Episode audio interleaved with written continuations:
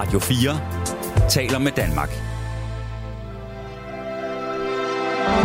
Velkommen til Nattevagten. I nat med Mads Nygaard. Ja, god aften derude.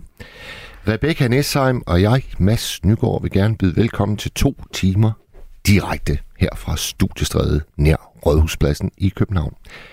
Rebecca, vi skal tale fædre. Ja, Du er så heldig, du stadigvæk har din far i god behold. ja, det er jeg. Og hvad er han for en storut? Han er meget faragtig. Ja. Han, øh, han er sådan en, der, da jeg var yngre, så fiskede jeg altid med ham. Det tror jeg er min primære sådan, farminder. Uh, altså sådan i en robåd, eller... Det var lidt forskelligt. Det, jeg kommer fra Helsingør, så det, det er meget en havneby. Så nogle gange kravlede vi ud på stenene, og nogle gange stillede vi os ned til havnen, og nogle gange lejede vi en båd og sejlede ud. Ah, det lyder altså også skønt. At det var meget hyggeligt. Ja. Det savner jeg også. Jeg fik min egen fiskestang i fødselsdagsgave, kan jeg huske. Jeg har den ikke mere. Jeg ved ikke, hvor den lag. Og I, I stoppede med at fiske, eller? Ja, det er faktisk det er ved at være ret mange år siden. Men nu er vi begyndt at tage på sådan nogle vandreture i stedet for. Med min søster også. Okay. Ja. En gang om året, eller er det oftere? Ja. Cirka en gang om året. Så har det primært været om sommeren, så har vi været på Ærø og på Møen, og nu snakker vi også om at tage til Norge og sådan noget. Lyder skønt. Han er Hvad- meget naturfar. Hvad, hvad, hvad laver han øh, til daglig? Øh, han arbejder med IT. Nå, det er ellers ikke sådan, øh, det man så lige tænker, naturmennesket. Nej, nej, jamen jeg tror måske, det er, det er kontrasten, der gør det. Okay. Det er det, at han har så meget IT, der gør, at han har brug for at komme ud. Øhm, min, min far, han, øh, han var altså ikke ret meget et sted i, i min barndom. Øh, han arbejdede uafbrudt. Jeg, okay. Jeg, havde det, jeg, altså, jeg har ikke de der tidlige barndomsminder. Dem, dem har du i, i rigtigt mål, kan jeg høre. Ja, det har jeg. Jeg har, altså, jeg har i hvert fald nogle ting, jeg altid gjorde med min far. Jeg har også ting, jeg altid gjorde med min mor, som jeg ikke kunne forestille mig at gøre med min far. Men, men jeg har klart nogle sådan traditioner med ham og noget, der ligesom er en... Det, det var det, jeg gjorde med min far. Ja. Eller det, jeg gør med min far. Det første, det første minde, jeg sådan rigtig har, det er, hvor min mor og min søster, de drager til... Øh, de drager på charterferie. Mm. Men far, han havde ikke øh, tid, sagde han. Og så fik jeg valg mellem, om øh, jeg skulle tage med på charterferie, eller jeg skulle blive hjemme med, ved far. Og så, så valgte jeg at blive hjemme med far. Og det viste sig, at han havde altså også tid til andet end arbejde, fordi jeg kan huske, at han tog mig med på Tværsted Kro, Ja. som er sådan en rigtig hyggelig strandkro i Vendsyssel. Øhm, og så imens han sad og raflede med mændene, så øh, fik jeg en taburet, fordi jeg kunne ikke nå armen på den ene armede 20 så jeg skulle ligesom have en taburet at stå på. Og så, øh, så stod jeg der. Ja. Og så havde jeg jo lyden af fars og mændenes stemmer lige ved siden af, og jeg havde min øh, spilleautomat, og det, det var altså øh, det var gode stunder. Ja. Og så, øh, så krakker han, altså går falit, øh, og der er jeg 10 år. Okay. Og så, øh, så kommer nok den sværeste periode i hans liv, hvor, øh, hvor han føler sig fuldstændig bortdømt og uretfærdigt behandlet. Og der har han så ligesom en, øh, en nedtur, i, der var et pænt stykke tid. Øh, og da jeg så er øh, 16-17 år, så flytter jeg hjemmefra. Og de næste 13 år eller sådan noget, der ser jeg ham faktisk kun til jul. Okay. Så der øh, i de år der, der, der var det ikke sådan noget... Øh, altså han, han var sådan en, han brød sig ikke om at tale i telefon, for eksempel. Gør din, gør din far det? Kan, kan I godt have sådan nogle lange telefonsamtaler? Ja, det har vi. Altså, det, det har vi løbende. Det er ikke så ofte. Det er måske en gang om måneden, eller en gang hver anden måned, men så er det også lang tid, vi snakker sammen. Og lidt sådan en, og hvordan har dit liv så gået de sidste, de sidste par måneder? Kan du, kan du dele alt med ham? Øhm, ja, det synes jeg godt, jeg kan. Det synes jeg, altså det, det jeg har sku, min, mine forældre gik fra hinanden her for et par år siden, og der har jeg ligesom skulle finde ud af, hvad min mors rolle var, hvad min fars rolle var, så det har lidt været noget, jeg har skulle finde ud af på ny, men, men jeg synes, jeg er kommet til sådan et punkt, hvor når min far ringer, og jeg kan snakke med ham i, i et par måneder, så er det lidt lige, altså så, så, det, så deler jeg det hele, fordi så er der alligevel noget, der hænger sammen med noget andet, og hvis han ikke ved det, så kan jeg ikke fortælle det næste, så kan jeg lige så godt bare sige alt. Altså, det lyder, det lyder som om, jeg har et godt forhold. Det har vi også. Ja. Og det fik jeg jo faktisk til min far, fordi så sker der det, Rebecca, at da jeg er 30 år gammel, der flytter jeg så op til Vendsyssel, efter Mm. at have boet ude i verden og i København i mange år. og køber sådan en virkelig faldefærdig bundegård. Og jeg kunne ikke noget håndværksmæssigt, men det, det kunne han. Og så kommer ah. han sgu cyklerne hver dag. Og så øh, lærte han mig lige så stille sådan øh, at, at lægge gulv og støbe et fundament og alle sådan, altså lidt, det, det var så min fisketid, kan man mm. sige. Som du havde med din far, så havde jeg så i stedet for sådan en, en håndværkstid med ham. Mm. Og øh, når jeg tænker tilbage, så er det vanvittigt heldigt, at vi endte med at, at købe det sted op i Vendsyssel, fordi vi kiggede også på hus i, øh, på Sydfyn og på Lolland. Vi skulle, vi skulle finde noget, der var virkelig, virkelig billigt. Ikke? Mm. Øh, men det var mere eller mindre tilfældigt, at vi havnede deroppe. Og hvis ikke vi havde gjort det, jamen så tror jeg faktisk ikke, at øh, jeg havde fået det fantastiske sidste øh, stykke tid med min far, inden han så døde. Han døde okay. i 2004. Okay. Ja. Og når I lytter derude, måske tænker, hvorfor skal vi snakke øh, fædre i nat? Er der en særlig anledning? Så det er der faktisk ikke. Men, men jeg tænker bare næsten dagligt på min far. Mm. Så øh, hver dag vil være en lejlighed til, at vi har det som tema.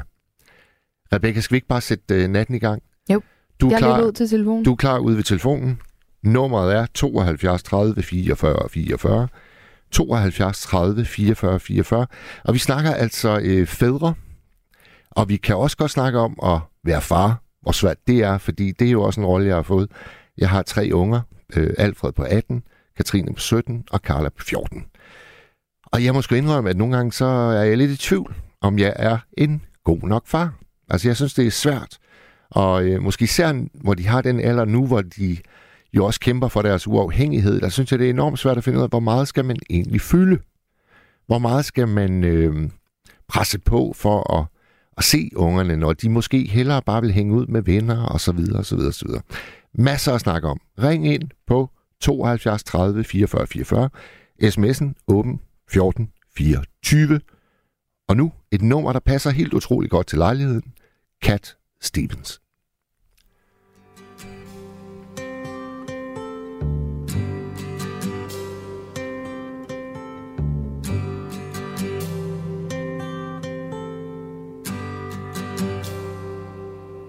It's not time to make a change.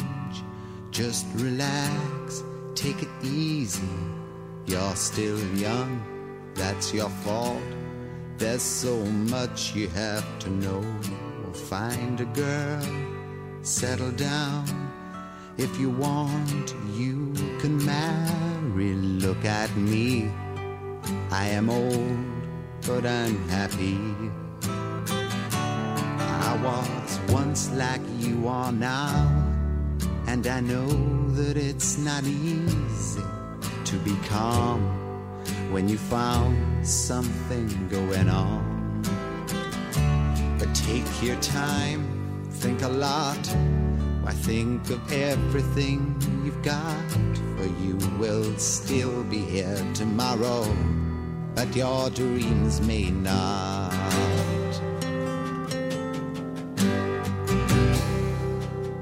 How can I try to explain.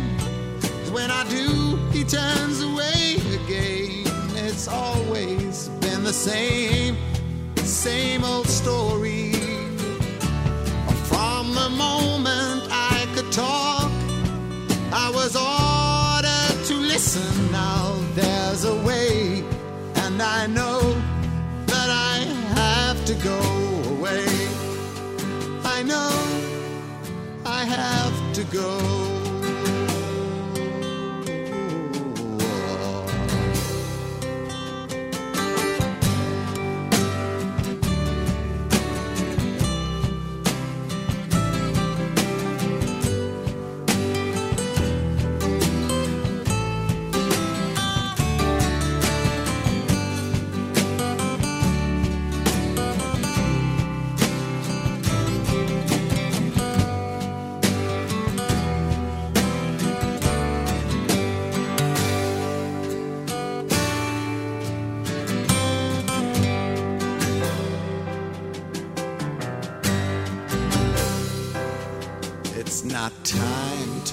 Change. Just sit down, take it slowly. You're still young, that's your fault. There's so much you have to go through. Find a girl, settle down. If you want, you can marry. Look at me. I am old, but I'm happy. All the times that I've cried, keeping all the things I knew inside. It's hard, but it's harder to ignore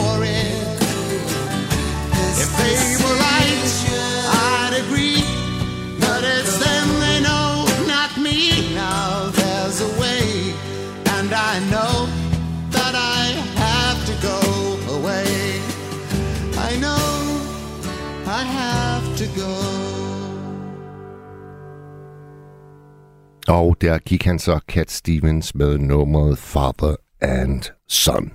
Vi taler fædre og det at være far. Vi har simpelthen det helt store fader-tema, kan man kalde det. Og øh, ring ind til os på øh, Radio 4, nattevagten. Nummeret hen til, det er 72 30 44 44. 72 30 44 44. Rebecca Nesheim, hun er klar til at tage imod. Og øh, så bliver stillet her ind til mig. En af dem, der har ringet, det er Inger. Velkommen til programmet, Inger. Ja, goddag. Jeg har kun skrevet en sms, altså. Men... Jamen, det er, det- er jo en start. ja. Nej, goddag. Eller god aften. God aften. Eller? Ja. Er vi på, Nej. øh, er vi, er vi på Fyn? ja, vi er så. Vi har talt sammen før. Ja, det ved jeg godt. Ja. Det er Hvordan har, snart du, et år siden. Hvordan har du Det snart et år, siden første gang, da du skulle have din bog udgivet i Ann Arbor. Ja, det kan godt passe. Det er, det er faktisk nærmest et år siden, nu du siger det. Ja. Mm. Hvordan Og, går du rundt og har det? Ej, jeg har det stille og roligt, det har jeg. Ja. Altså, ja.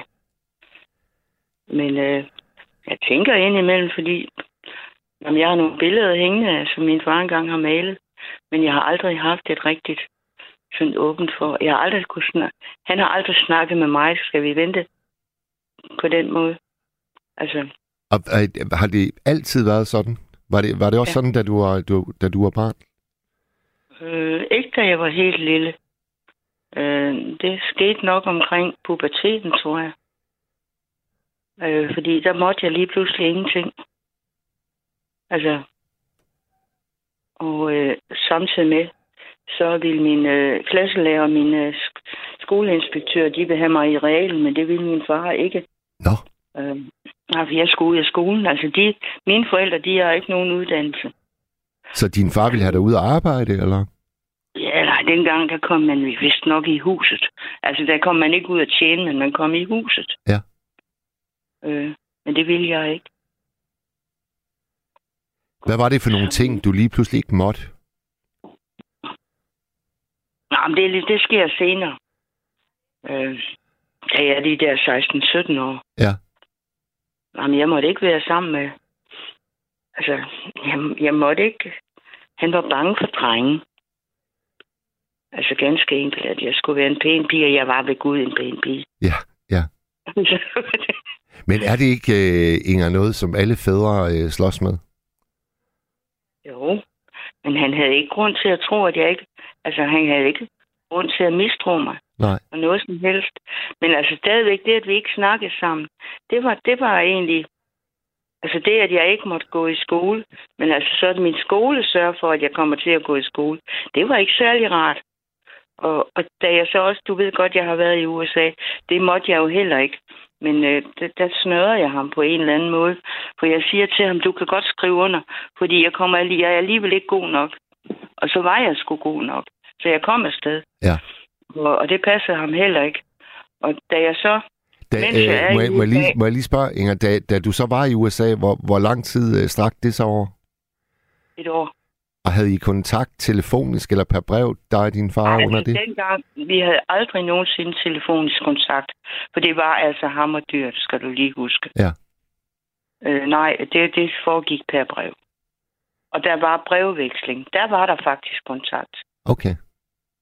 Har Men, du, øh, øh, har, du, har du hans breve endnu?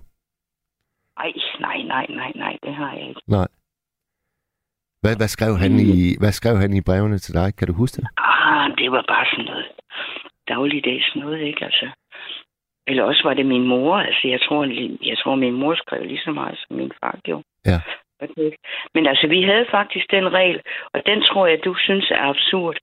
Men som du, jeg tror, du må have hørt om, ved, ved aftensbordet, når vi, vi skulle spise klokken 6, øh, så må man ikke sige noget. Nå. Altså, slet ikke. Nej, Der var kun smasken og... nej, fordi det havde jeg lært, man ikke måtte. ja, så det var der ikke engang. Hvad var, Nej. hvad var, hvad var øh, baggrunden for det øh, dekret? Det må du ikke spørge om. Det må du ikke spørge mig om. Jeg ved det ikke. Nej. Aner det ikke. Og, og han, øh, han tugtede, synes jeg, min mor. Øh, altså, han talte ikke pænt til hende overhovedet. Nej. Øh, Hvad, hvad, det gik meget på. hvad, la- hvad lavede din far? Jamen, han, han startede jo som, du ved, ufaglært. Men, øh, og, og det, det forblev han jo sådan set hele tiden, men han, han, han startede som tagdækker. Altså, billedoptag, tagpap. Ja. Og så har han åbenbart været god til det, og også været god til at, så bliver han chakbejs. Ja. Altså, Dejligt jeg ord. leder... Ja. Skønt ord. Ja, ja. Men øh, så ender det jo med, så skal de starte en, øh, hvad hedder det, en øh, filial her på Fyn. Og den bliver min far så sat til at lede.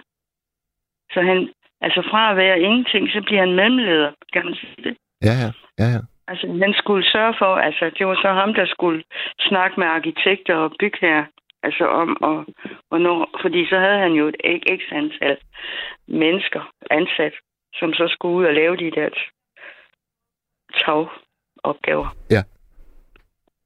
Og så skulle han jo rundt og følge med i, hvor langt de var nået. Altså sådan, han skulle tilrettelægge hele gangen i det der. Så han bliver jo en mellemleder på den måde. Øh. Men altså, men gik, altså, det var det eneste, han levede for. Det var det der arbejde. Jamen, der, der, der er han jo beslægtet med, med min far, og så var det jo, som jeg sagde i indledningen, at, at min far, han, han mister jo så lige pludselig hele sit fundament. Og øh, har så en periode på to-tre år, hvor han, hvor han er ude af stand til at arbejde, og min mor må for første gang i sit liv, i en alder af 40, som jeg husker det, der får hun ja. Sit første job, fordi vi var virkelig på spanden rent øh, økonomisk.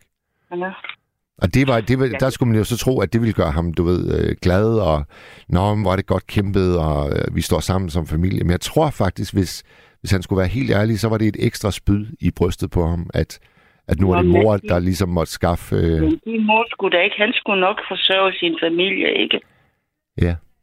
Var det ikke det, der handlede om også? Jo, jo, altså du ved, den der dumsted i øh, manddom. Ja. Ja. ja. Ja. Jamen helt Ja. sikkert, helt sikkert. Det, øh, Inger, fik du aldrig nogensinde ligesom øh, slået hul på, på den afstand, der var mellem dig og din far? Aldrig. Tværtimod. Øh, altså, der blev afstanden større og større.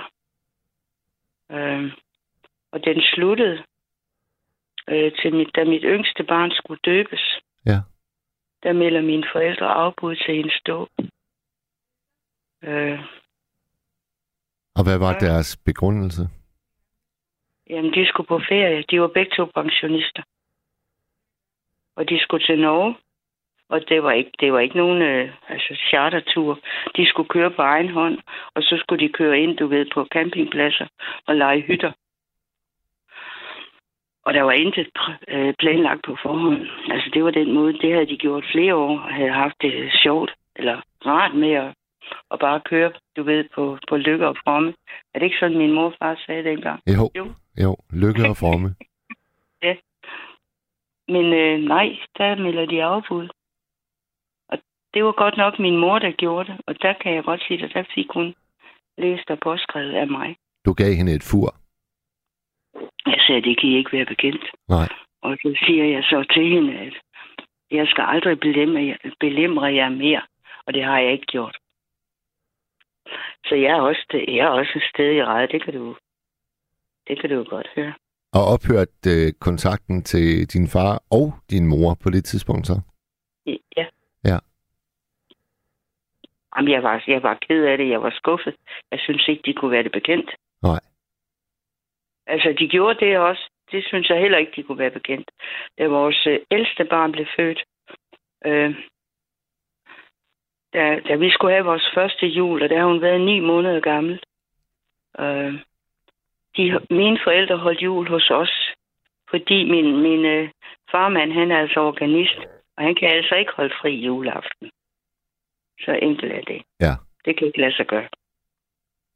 Øh, så øh, min mor, hun ringede godt nok altid, kommer hjem til julen? Nej, så det kan vi ikke. Og så, så er det, vi så har fået vores datter.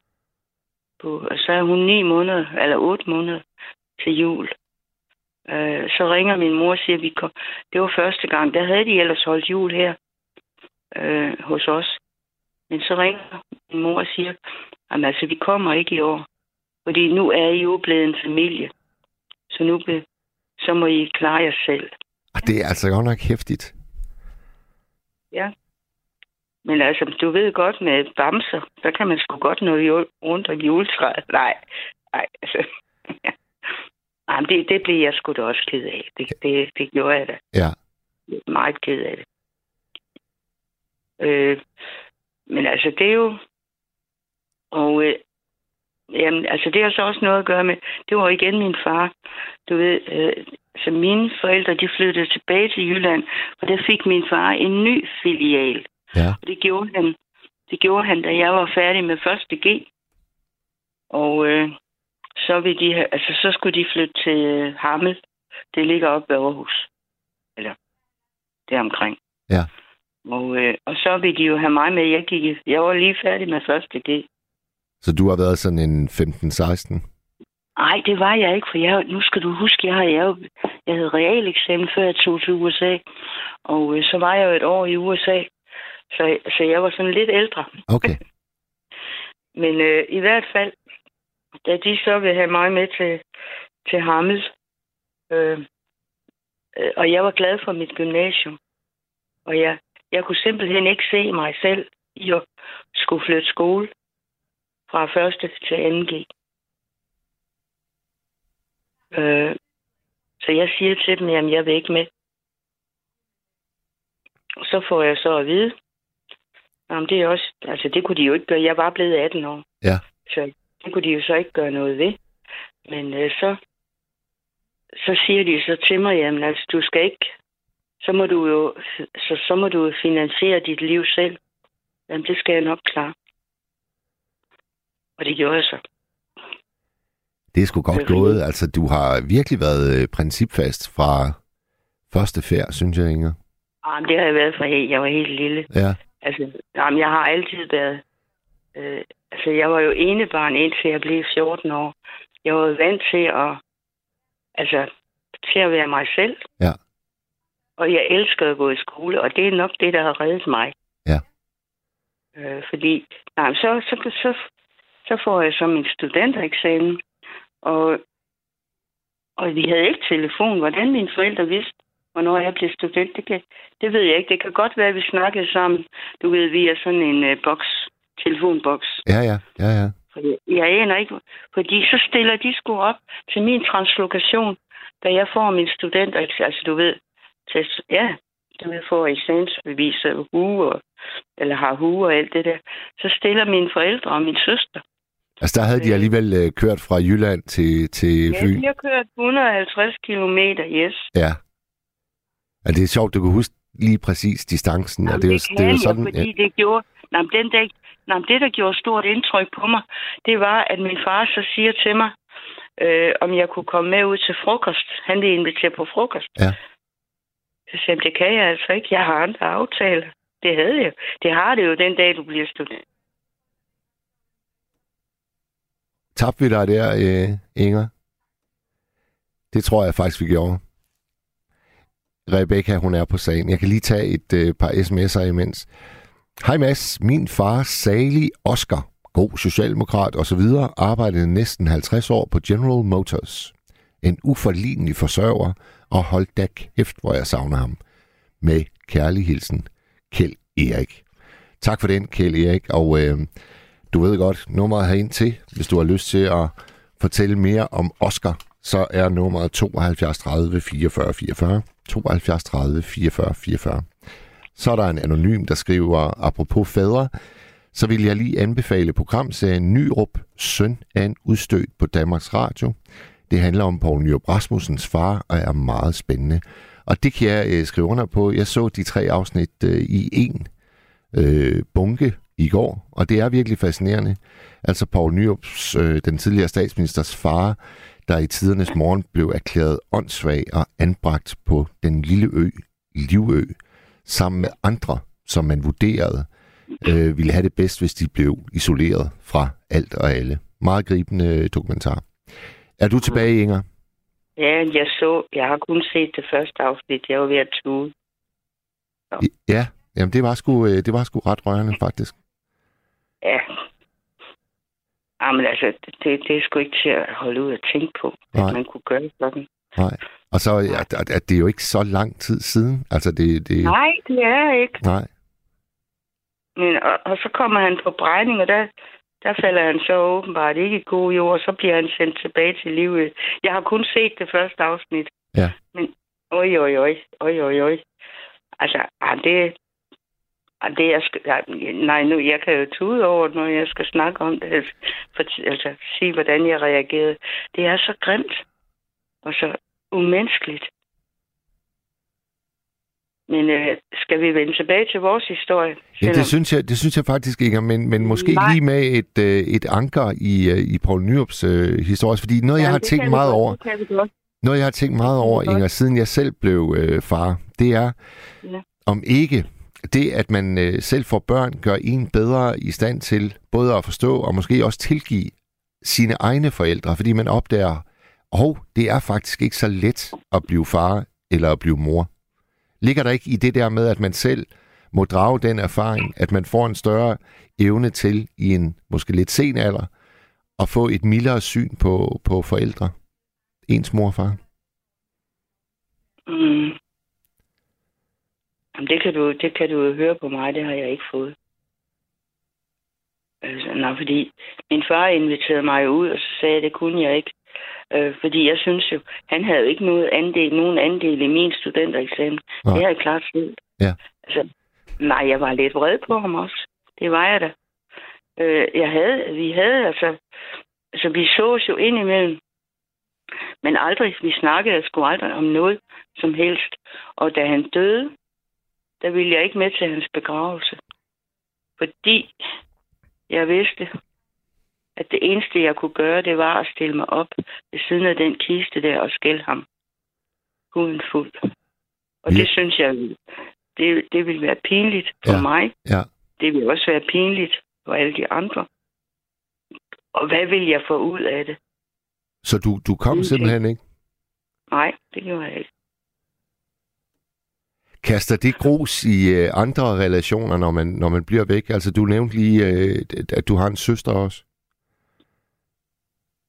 Ja, nej, men jamen altså, Kom hun til, til din fars begravelse? ja, det gjorde hun. Ja. Ja, det gjorde hun. Og det var sådan set hende, der var... Altså, det ved du, det, det ved jeg ikke, om du ved, men altså hun... Det var hende, der stod for hele... Altså alt det praktiske omkring. Altså både boopgørelse og, og, og advokat og alt det der, der kommer ind over. Ja. Og så, øh, og så min, min far, han betakkede jo mig også, eller, øh, at jeg skulle arve mindst muligt. Altså, det var, det var hans afskedssalut til mig. Virkelig. Ja, ja. Åh, oh, I har godt nok haft et hæftigt øh, forhold. Nej, det har vi ikke, fordi vores måde at være sammen på, det var tavshed. Ja. Men det kan også være hæftigt. Altså noget af det mest øh, enerverende og skræk, altså skrækfremkaldende for mig, det kan være den der tavshed mellem to mennesker, der begge to ligner nogen, der har lyst til at skrige. Øh, fordi det første år, det, det ene år, jeg boede hjemme i første G, der var jeg ikke på talefod med min far. Nej. Og, og, og vi så hinanden. Vi sagde ingenting. Og det foregik et helt år. Altså i de der øh, fra at jeg flytter hjemmefra, til jeg så øh, først vender tilbage til egnen igen som 30-årig. Hver jul, der, øh, der endte mig og far altid nede i kælderen, og så drak vi os fulde sammen, og så ud på brændertens spidser, så øh, var der altid noget gammelt nag, og det kom især fra min side af. Og så hældte jeg det ud over ham, og han forsvarede sig efter bedste evne, og så trillede vi i seng. Og så næste dag, og det, det er derfor, jeg kommer til at tænke på det, så nævnte vi det ikke med et ord. Altså alt, hvad der er blevet sagt i, i nattens løb, det var ligesom bare løbet ud med ud i kloakken. Og, og, og så holdt vi jul, og det var det. Og den der tavshed, den der tavshed, den der tavshed, Inger, den er altså giftig. Det er den sgu. Det ved jeg da godt. Ja, det er det. Det ved jeg. Og jeg ved ikke, hvordan. Altså, jeg var jo 18 år, da jeg startede i første G. Øh, om det, der var han efter mig. Jeg måtte ikke gå ud. Altså, jeg skulle være hjemme kl. 10. Ja. Det ville jeg ikke. Fordi det synes jeg... Altså, jeg var en pæn pige, skal man lige huske. Men altså, jeg var da også ung. Altså, og jeg boede jo 13 kilometer fra mit gymnasium. Jeg skulle tage en rutebil, hvis jeg skulle ind til byen. Og jeg tog ikke ind til byen. Altså, altså, jeg ved sgu ikke, hvad han har forestillet sig. Jeg aner det ikke. Nej. Men i hvert fald så snakkede vi, og vi mailede ikke et ord sammen. Jeg ved ikke, og min mor, hun var undertrykt, så øh, hun turde ikke sige noget. Altså, hun satte jo mad på bordet og holdt huset meget fint rent. Det er det, det, er det, det er hende, der melder afbud til barnedåben. Tror du det i virkeligheden var din far, der havde øh, sendt det budskab, og så bad han bare ja. hende om at aflevere Ja. det? Ja, det er jeg overbevist om. Ja. Øh, hun ringede en gang til mig. Øh, det, har været, det har så været før den der barndåb, hvor hun ringede og var meget, meget ked af det. Fordi øh, min far, han, han var, altså, han hånede, altså han, hun kom ud fra landet, hun så, hun så er tøvs, og du ved, alt det der. Ja, tøvs, ja. Og, ja, og så siger han så, kan du ikke snakke dansk? Kan du ikke, kan du ikke, du snakker så bundsk? Ja, det har hun jo lært. Det var hendes sprog. Ja. Og, øh, og jeg, jeg har hørt det fra, jeg var lille, ikke? Altså, det, det generede ikke mig overhovedet. Jeg forstod jo alt, hvad hun sagde. Øh, men men han, han, han, han hakkede på hende. Og når han kom hjem, øh, og vi skulle spise der klokken 6, så, øh, så ringede telefonen ret tit, og det var mig, der tog den. Og jeg havde lært at sige øh, lige et øjeblik, og det var, et, det var en eller anden arkitekt eller en bygmester, som vi snakkede med ham. Ja. Og så, så, så rejser han sig fra bordet, og så er han væk en halv time eller sådan noget. Og så kommer han tilbage, og min mor, hun lavede altså mad fra bunden hver dag. Ja. Og så kommer han tilbage, og så serverer hun maden. Så siger han, maden er kold. Ja. Skal jeg varme den op? Så siger han, du ved godt, jeg ikke kan fordrage opvarmet mad. Hvad fanden bilder manden så ind? Ja. Altså, jamen, altså og, og det var lige, altså nu snakker vi, det her, det har været i 69-70. Og det, jeg var jo ikke gammel nok til ungdomsoprør. Nej. Men jeg, jeg kan godt sige dig, at jeg så på fra sidelinjen og sige, sådan skal man sgu ikke behandle kvinder, som faktisk ja, står vand, ligger vandret for deres mænd. Ja. Jeg siger, sådan en kvinde bliver jeg aldrig. Jamen, altså, det var så grotesk for mig at opleve det der. Ja. Men jeg turde jo ikke, og kunne ikke. Altså, jeg turde ikke. Og nok turde, jeg turde ikke sige noget til ham. Det gjorde jeg ikke. Men man kan sige, at øh, vores to øh, fortællinger om, om, om fædre bevæger sig i hver sin retning. Altså, jeg kom tættere på min far, og, og du ja. Oplevede, at du nærmest bare, øh, at, afstanden den voksede. Ja, og jeg er så også kommet øh, til den konklusion, fordi altså, jeg var jo ikke med til min fars begravelse. Det var jeg ikke. Øh, men jeg har, jeg har så også, det er måske en, en måde, jeg kommer over det ved. Jeg siger, nej, hvorfor skulle jeg gøre det? For jeg havde jo ikke mistet noget, jeg ikke havde. Nej, det er det. Altså, det lyder, det, det lyder rigtig hårdt, gør det ikke det? Jo, men altså øh, også forståeligt hårdt.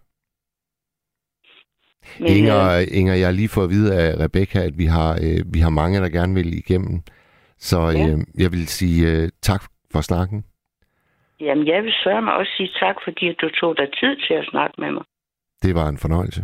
Kan du have det Og rigtig så godt? vil jeg stadigvæk ønske dig og din datter en god tur til London. Og ved du hvad? Nej. Tag, tag hende, hvis du kan, tag hende lidt til en fodboldkamp, selvom du ikke kan jeg kan høre, du hørte programmet i nat. Ja, jamen, vi Ja, får se. Vi, vi tager i hvert fald afsted i næste uge. Tak for det, Inger. Jamen, jeg har, jeg, har, jeg har prøvet det, og det, det er en oplevelse, man ikke glemmer nogensinde. Det er, det er jeg enig med dig i. Kan du have det rigtig godt, Inger? Nå, det må du også. Nu skriver Hans Jultved fra Hillerød. Håber, der også kommer noget godt om fædre, så vi ikke kun skal høre om alle de triste eksempler. Det er aldrig for sent at få en god barndom. Der er altid noget godt at huske på. Så er der en, der... Det er Bente, hun skriver, Min far var en lun, humoristisk og klog mand. Jeg savner vores indforståede snak og alle vores skakspil. Og så er der en, der skriver, i dag arbejder Nyrup for foreningens Spacehead, skriver vedkommende. Den, det, det hedder Headspace. Og øh, han lærer unge, at der altid er brug for dem. Meget smukt, skriver han anonym. Nu skal vi høre øh, et stykke musik, og så er vi klar med næste levende stemme. Vi skal høre The Cranberries, Ode to My Family.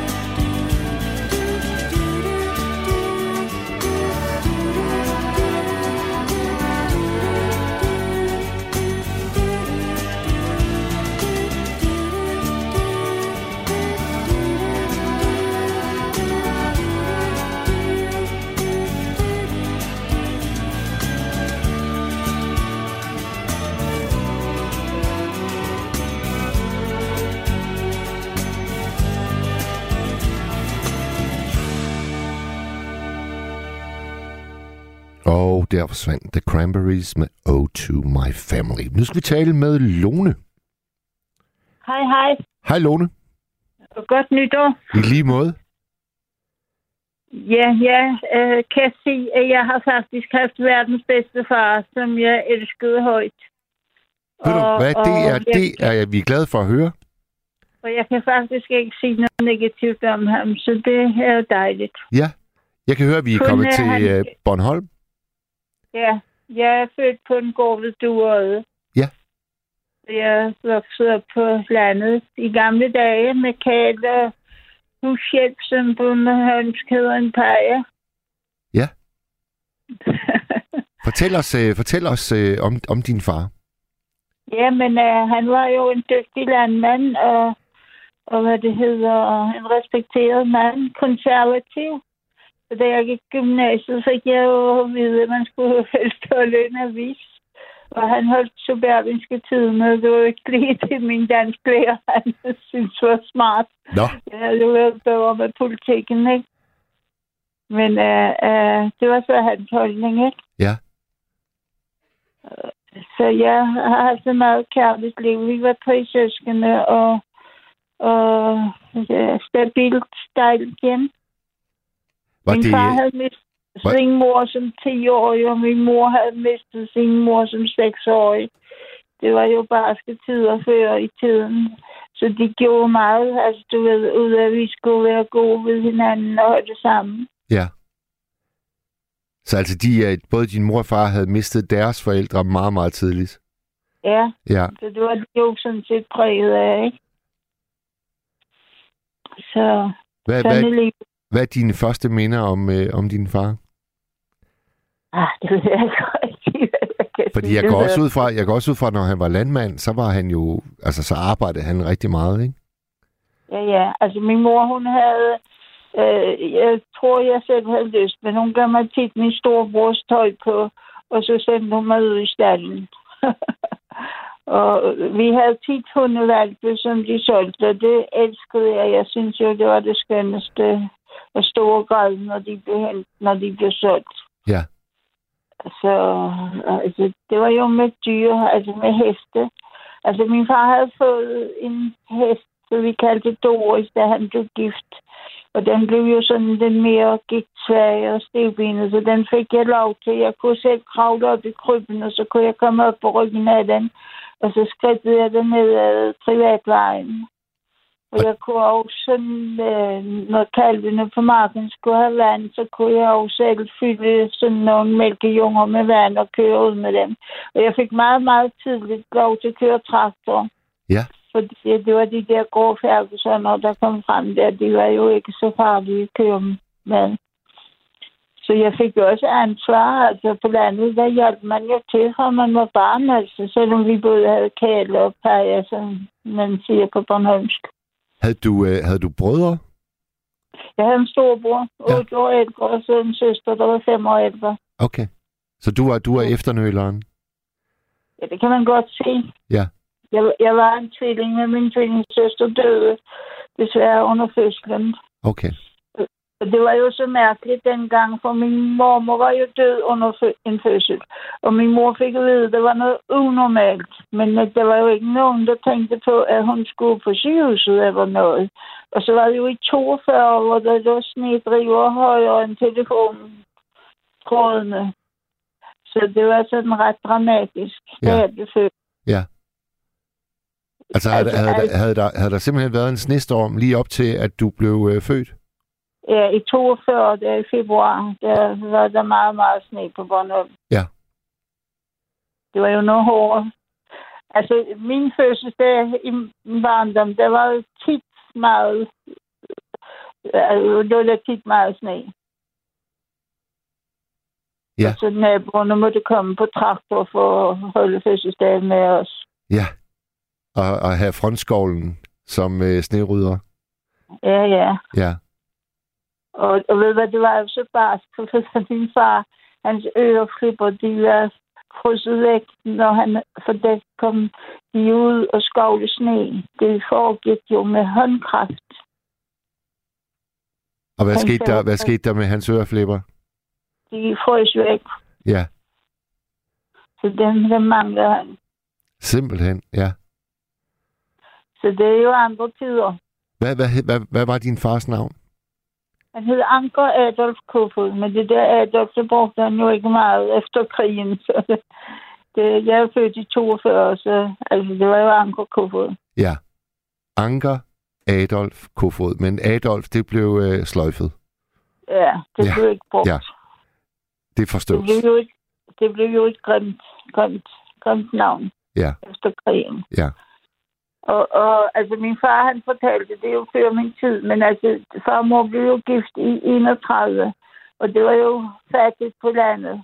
Og øh, under krigen, altså, de havde jo ikke penge til at betale deres folk, så han parterede en gris og en kalv, og så kørte han rundt og solgte for at tjene penge, så han kunne betale sine øh, ansatte. Ja, Han havde jo også en god fantasi, jo, altså, du ved. Altså, og ved du, hvad han gjorde under krigen? Han, nej. han, han røg altid cigar. Det første, han gjorde om morgenen, mens han lå i sengen, det var at tænde sin cigar. Og det var den hed de store cigar. Og, og det var det sidste, han gjorde. Han slukkede om aftenen, efter han var gået i seng. Og, og ved du hvad? Han dyrkede tobak Ja, under krigen, for han kunne ikke undvære de der røg.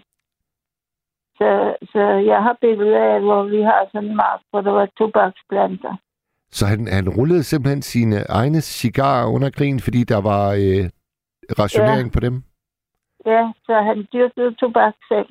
Det er Og altså, han fik de, hvor han fik de planter fra det, med der historien ikke noget om.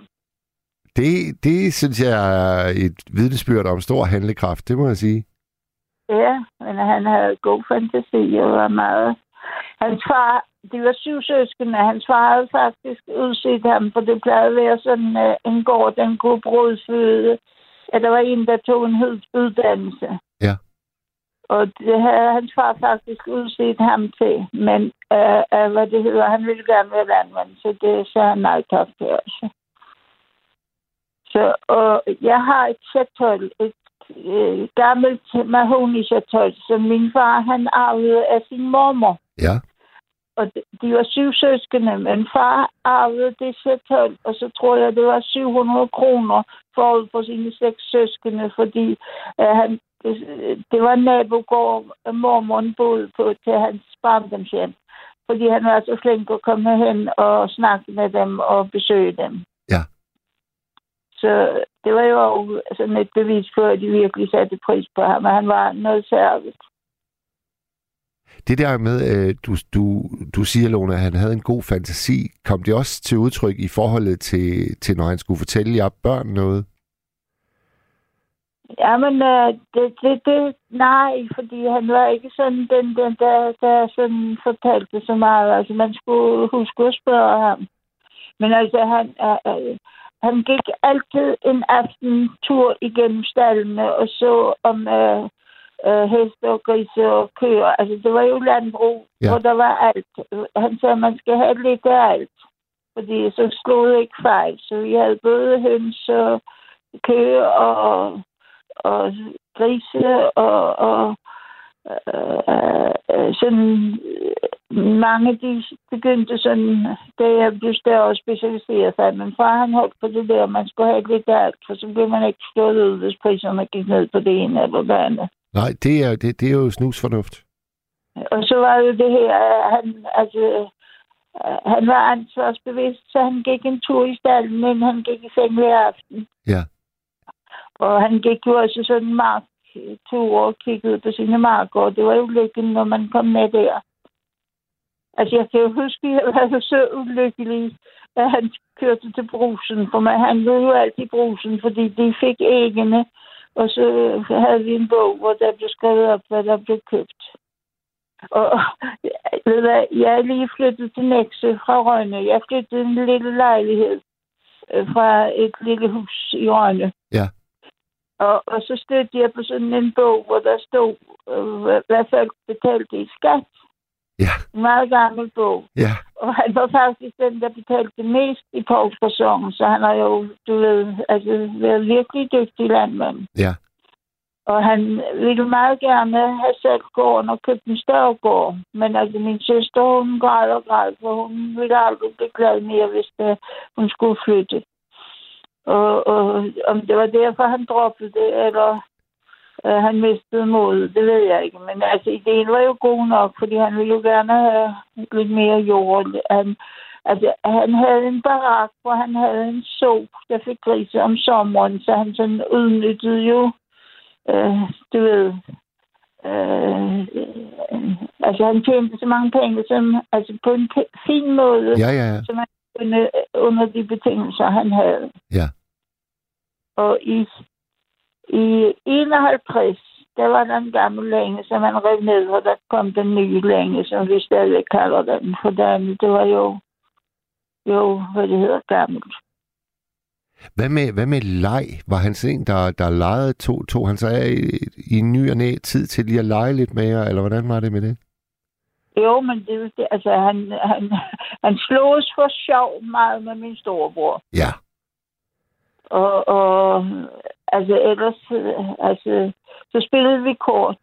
Det gjorde man jo meget på landet. Altså, de var meget glade for at spille bridge, min far og mor, især til sidst, da min far blev syg. Han døde af mavekræft alt for tidligt, 67 år. Ja. Uh, uh, uh, og jeg følte, at han var syg i fem år, men uh, det kan godt ske, at det har været mindre. Men jeg følte, at han var syg meget, meget længe. Altså. Og, og, og når I var med til at spille kort, var det så også bridge?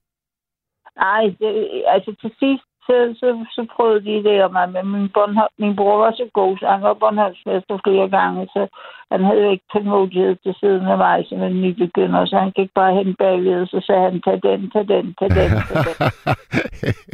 ja. Og så sagde han, jeg kan ikke lære fra mig. Så det var så nemt at sige det. Altså, så, så jeg, jeg kan ikke lære fra mig. Så det, det var lukket vand. Ja. Men det er meget pudsigt, for min bror blev aldrig gift og fik aldrig nogen børn. Og min datter, som nu er 44 år, hun har arvet gården og bor på den gård. Og har heste og forpagter jorden ud. Okay. Det er sådan en lille gård på 50 tønder land, som var sådan, altså, som var normalt dengang, altså, hvad man kan sige. Så altså dit, øh, dit, dit barndomshjem, det er stadigvæk i familiens eje, kan man sige? Ja, der bor min datter, ja. Ah, det må være, det må være skønt, synes jeg. Ja, men altså, de, de, de synes, det er for svært at bo på sådan en gammel gård. Altså, min svigersøn, han kan, bryder sig ikke om dyr, så det er ikke lige ham. Så, så det er lidt synd. For min datter elsker dyr, men altså, når man jo så forskellig, jo. Ja, det er jo det. Det er jo det. Og, og man ved jo faktisk ikke, før man bor der, hvordan det er. Nej. Uh, uh, Hvor, hvor lang tid har de, har de boet der? Jamen, uh, min bror døde i, i fem. Så de, de, uh, jeg tror, de kom til Bornholm i 10. Så, så de har jo snart boet der i en del år. Jamen, Okay, så, så har han jo ikke løbet skrigende bort svigersønnen i samme sekund, han ligesom fornemmede, hvad det var. Så, så de... Nej, men han- er træt af at slå det græs om sommeren. Altså, ja, og det er også nogle store øh, græsplæner, der er på sådan et, øh, sådan et sted. Ja, så fordi min datter har lavet en ridebane, og så er der græs rundt om, og så er der græs rundt om hele gården, og, Ja. og så er der græs i haven, og det kommer tit. Det er der sidst, hvor jeg vil have starten af haven, men jeg skal nok lade være at blande mig. ja. Hvis man ikke bliver spurgt om råd, så skal man lade være med sin noget. Det er mit motto. Godt. Lone, Ja. øh, jeg, har, jeg har virkelig nyt at høre din beskrivelse af den store kærlighed til din far. Den gik rent hjem hos mig. Altså, han var meget ærlig. Og han var meget, altså, man skal sige, altså, man kunne stole på ham i den grad. Ja. Der var intet lusk, eller man skal sige, eller snuhed, bundet snuhed, som der er nogen, der kan have. Han var en rigtig, øh, hvad man skal sige, reelt hederlig person. Ja. Og så elsker jeg altså det der med en cigar om morgenen og en cigar om aftenen, når han lagde sig til ro. Ja, altså du kan tro, det var svært for min mor. For de cigarer der, sådan en kasse, den kostede jo 50 kroner. Ja. Så der gik mange penge op i røg. ja, helt bogstaveligt, ja. Ja. Ja. Ja, men jeg ved hvad, jeg har også været glad at snakke med dig. Jeg er meget glad, når det er dig, der er der, og Sten nu er der, og nu er Neva kommet tilbage. Så jeg er jo en, der er tilhænger af lidt mere seriøse emner. Aha, aha. Jamen, øh, Lone, du ringer bare igen. Øh, Ja, ja, så En jeg anden god nat. rose. Jeg vil gerne rose dig. Og jeg har faktisk tænkt, jeg, skulle, jeg har spurgt dig en gang der, om dine romaner, og jeg har, nu bor jeg nær et bibliotek, så jeg skal se at få lånt nogle af dine bøger. ja, det, det kan du gøre. Det kan du gøre. Ja. Tusind tak, ja. og øh, have en fortsat god nat, Lone. ja, og tak fordi du er en god vært. Tak skal du have. Jeg glæder mig hver gang, at jeg hører det dig. Tak skal du have. Ha' det rigtig godt, Lone. Hej. Ja. Hallo. Pia, hun skriver, Hej Mads, jeg var tæt med min far altid, og føler, at han nok var det eneste menneske, som forstod mig. Jeg savner ham hver dag og taler til ham, og føler nok, at jeg stadig har en lille kontakt. Men hvem ved?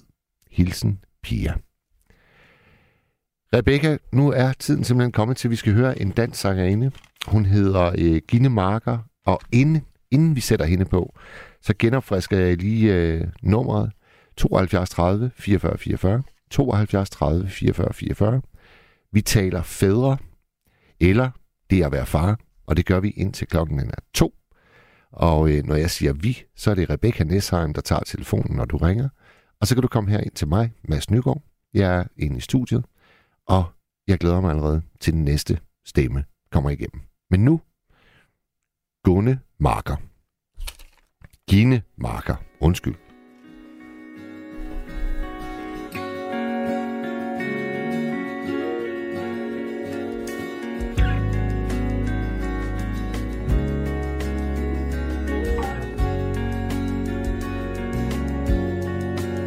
Did we crash into the stairs? Oh, woke your neighbors when we came home. Late and drunk and loud, so oh. young and oh so golden. Did I crack this broken marble floor? Don't remember that night from before. Suppose back then I didn't know things break when you least want them to. We crashed into each other's worlds, tore down the roof in every room. The crystal skies, velvet walls, water garden and pink summer salts broken, bruised, confused, and blue. Oh, baby, how I wanted you. Learn a lasting lesson, no hearts break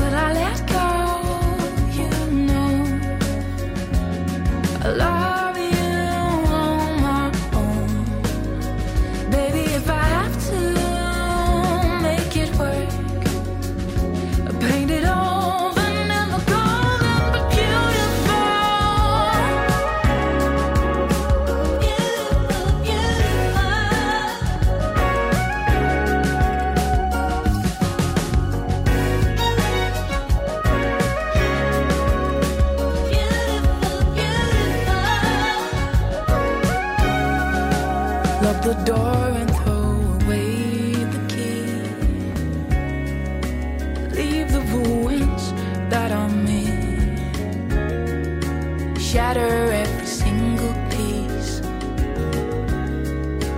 Harden hand, leave it be.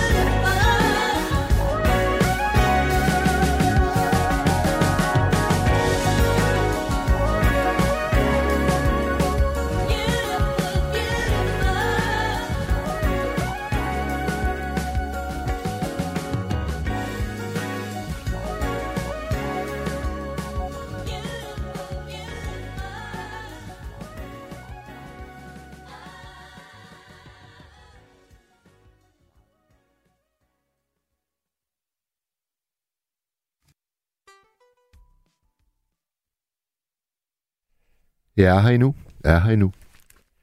Skulle bare lige på das, som vi siger. Velkommen tilbage, kan jeg så sige til mig selv. Her på Radio 4 sætter mig godt ned. Kaffen er skænket. Og Rebecca, har vi en lytter igennem? Ja, det har vi. Og hvem er igennem? Ja, det er Jørgen fra Valby. Ja, goddag, Jørgen. Goddag, goddag. Uh, jo, uh, det, det, det, det drejer sig om fædre, Det gør det. jeg. Ja. Uh, jeg havde en, en meget atypisk, atypisk far, tror jeg. Ja. Um, vi havde et knaldgodt forhold. 100 procent. Og det var, vi, vi er opvokset inde på Vesterbro, Mm. og, og han var arbejdsmand, jo betonarbejder og sådan nogle ting der. Um, hvad hedder det? Vi sad om, han gik meget op i historie Ja. på forskellige fronter. Og øhm, han sad, vi sad om aftenen, jeg har været 11 år, for det fra jeg var 11 år, altså, måske mindre, 10. Så sad han og snakkede om øh, oldtidshistorie og sådan noget. Ja. Og, og, og så fortalte han det så spændende, så, så øh, jeg kunne gå ned faktisk og, og lege det med min ven bagefter, min barndomsven. Og han fortalte om Majaerne, Inkæren, alt sådan noget der, ikke? Og etruskerne. og Folk, der er kommet og forsvandt igen, kan man sige. Ja. Det, det var noget, han interesserede sig for. Og, øh, og ingen, også det der, at de ikke ved, hvor de blev af. Sådan nogle tricky ting, det var sådan noget, han gik op i. Og så, i, og så, og så også hvad hedder det, den gamle historie, danske historie. Øh, Vi gik ind i byen, og han, han lærte mig at kigge opad, når man ser øh, stuk, stukkerne og sådan nogle ting på de gamle hus, forskellige. Hjørnene, hjørnene, der er væk efter Københavns brand. Der er jo ingen hjørner i de gamle hus inde i København. Nej. De er af. Det er på grund af brandbilerne, eller hestevognene, røgterne, de kunne komme for rundt om hjørnerne. Og så var vi inde i en gård over og se noget, øh, hvor man kunne lægge både til. Der havde havnen gået helt derop til. Så der var mange sjove ting og sådan noget. Han, øh, han fortalte mig så en til min mor, hun kom ind og sagde, han, han blev kaldt Luffe. Så min mor, hun kom ind og sagde, øh, jeg skulle op i skole i morgen, så nu må, nu må vi slå, slutte det der. Jeg må stoppe en gang imellem.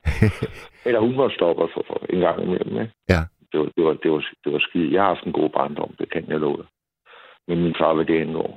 Nej, i det hele taget har jeg haft en god barndom. Men øh, det var, Var fint, din, øh, var, di, var din far sådan en, en verdensmand? Altså havde han været ude og, og se verden, eller havde han bare hentet al sin viden gennem bøger? Eller? Det var igennem bøger. Ja. For øh, som, som, det var også ligesom derfor, jeg startede med øh, lige at sige, øh, vi var fattige. Ja, i, og i dag regner man det for fattige, vel ikke? Øhm, så han, der var ikke penge til at rejse og sådan noget. Men så gjorde jeg så det, at da jeg selv blev øh, teenager og tog at sejle, og, og bagefter så rejste jeg meget. Jeg har rejst rigtig meget og set alt det der, som vi snakkede om. Ej, hvor er det fint, altså. Altså, det var meget de arabiske lande, i øvrigt. Fandt din, Så- fandt din, og jeg- far, øh, fandt din far ud af, øh, at du, du ligesom drog ud efter de fortællinger, som han havde puttet ind i dine ører? Nej, han døde ret ung. Så han døde som 58 år eller sådan noget. Så, så det fik han, han jo, han, han, altså jeg var ude at sejle og sådan noget, ikke? Men, men det var jo, det var 14 dage, det var gamle dage. Så vi lå måske en uge 14 dage i hver havn eller sådan noget og ventede på dast. Og så benyttede jeg så lejligheden, hvor jeg nu var. Og vi sejlede nemlig mellem England, Holland og så Middelhavet. Ja. Så jeg kom jo lige derned, hvor jeg gerne ville. Så jeg har faktisk været i alle de arabiske lande på nær Libyen. Fordi der kunne man ikke komme ind på grund af Gaddafi. Men ellers har jeg været i flere gange, har jeg været i de forskellige lande. Fra Mauretanien til Algier, til Tunesien, til Marokko, til øh, ja, Tunis. Så har du lastet, du har lastet med din fars fortællinger. Det er, og, og, og de, de, de, de, de har fulgt mig siden. Nu er jeg 70 år. og de er lige så øh, tydelige for mig, og jeg er lige så interesseret i det den dag i dag. Altså, jeg har også læst op af Bibelen. Forresten, han, jeg ved ikke, om han, jo, jeg tror, han var kristen, faktisk. Han var ikke kirkegænger, sådan. Men øh, han, for eksempel Goliath, så for, der var jeg ikke engang gammel. Det kan jeg, den kan jeg huske, den der, hvor han fortalte den store mand, han kom gående, gong, gong, gong. Og så stod der bare en lille dreng som dig foran. og sådan noget der. Han, han kunne virkelig øh, gøre det spændende. Så jo, ham og jeg, ham og jeg, vi havde det godt sammen. Hvad hed din far? Han hed Olof. Olof. Luffe. Ja. Han var frihedskæmper, så Han, havde det, han gik med det navn. Det fulgte ham senere hele livet. Okay. De havde de samme navne. Og, og hvilken form for frihedskamp øh, førte han? Hvad, var hans øh, funktion? Han var skaffer. Prøv, prøv at beskrive, hvad en skaffer er. Det er sådan en, der skaffer det, som de andre de mangler til at fuldføre deres. Det kan lige være fra mad af til, til krudt og kugler. Ikke? Og var var det noget, var det noget han, han fortalte om øh, efter krigen, eller? Han fortalte ikke om øh, selve krigen, men han fortalte om det der, han kendte en, der... Nej, jeg spurgte, hvordan vi fik med under krigen. Så sagde han, om han kendte en, der hed Per Røg nede i, i Kødbyen i København. Og øh, så var der en, der kendte en. Nej, så havde vi en bager i forretningen, hvor vi også kunne få brød og sådan noget. Ja. Og så var der nogen, der var, øh, der kendte en, en frugtgrosserer for eksempel og sådan noget. Og så på den måde, der fik vi faktisk varer, selvom øh, alting var rationeret og sådan nogle ting. Ikke? Så, så det, det, det, det, det, det kunne han også efter krigen. Havde han, øh, havde han øh, laster af nogen slags? Altså nu hørte vi lige Lone, der fortalte, at, øh, at hendes far Anker, han, han startede om morgenen med en cigar i sengen, og han skulle også altid lige have en natcigar. ja, min far han havde det, at han øh, fik arbejde på Carlsberg. Ja. Og det var noget lort. Men øh, bortset fra det, så øh, var der også et par sjove historier derfra. Han havde kamera i hånden, han havde købt til sin, min bror et konfirmationsgave og sådan noget. Fødselsdagsgave og sådan. Så gik han ind på museet på Carlsberg, så sagde han, må jeg tage et billede? Ja, det må du da godt, sagde kustoden. Så gik han ind og skulle til at tage et billede, der hang på væggen. Øh, øh, øh, nej, nej, nej, det, jamen, jeg har jo lige fået lov, sagde min far. Er- det kunne han da ikke forstå. Han havde spurgt på... Øh, han havde sådan nogle pussy i, hvor han havde også humor og sådan noget, men øh, så begyndte han at drikke derude. Så altså det var, jo, det, var, læge. det var jo en af de helt store fælder ved at arbejde for bryggerierne. ja, de fik jo fem øl gratis. Ikke? Ja, det er det. Det er det. Det var sgu råden til... Ja, men det var noget rigtig lort. Øh, der kom en læge derud, sådan en, der skulle se, se øh, firmaet og sådan noget. Så kom han hen og spurgte min far, hvad, hvor meget drikker I om dagen? Ja, de der fem øl, dem skal vi jo drikke. Og så hvis der er fest, fødselsdag eller højtid eller noget den stil, så kommer der, så drikker vi noget mere. Ja. Nå, hvornår er der så fødselsdag, så sagde min far, på sådan en stor arbejdsplads, der er flere fødselsdage hver dag. Ja, ja. så, øh, men, øh, der, men, men han, han, han blev syg af at drikke, det gjorde han. Ja. Så han døde som 58 år, tror jeg det var. Og var det, var det øh, alkoholrelateret, tror du? Ja. Ja. Det var det. Og så samtidig med nogle dumme oplevelser under krigen, noget, som jeg ikke vil ind på. Ja. Det gjorde han aldrig rigtig sådan... Han var ikke sådan helt frisk. Men øh, hovedfejl skulle ikke noget. Det gjorde det ikke.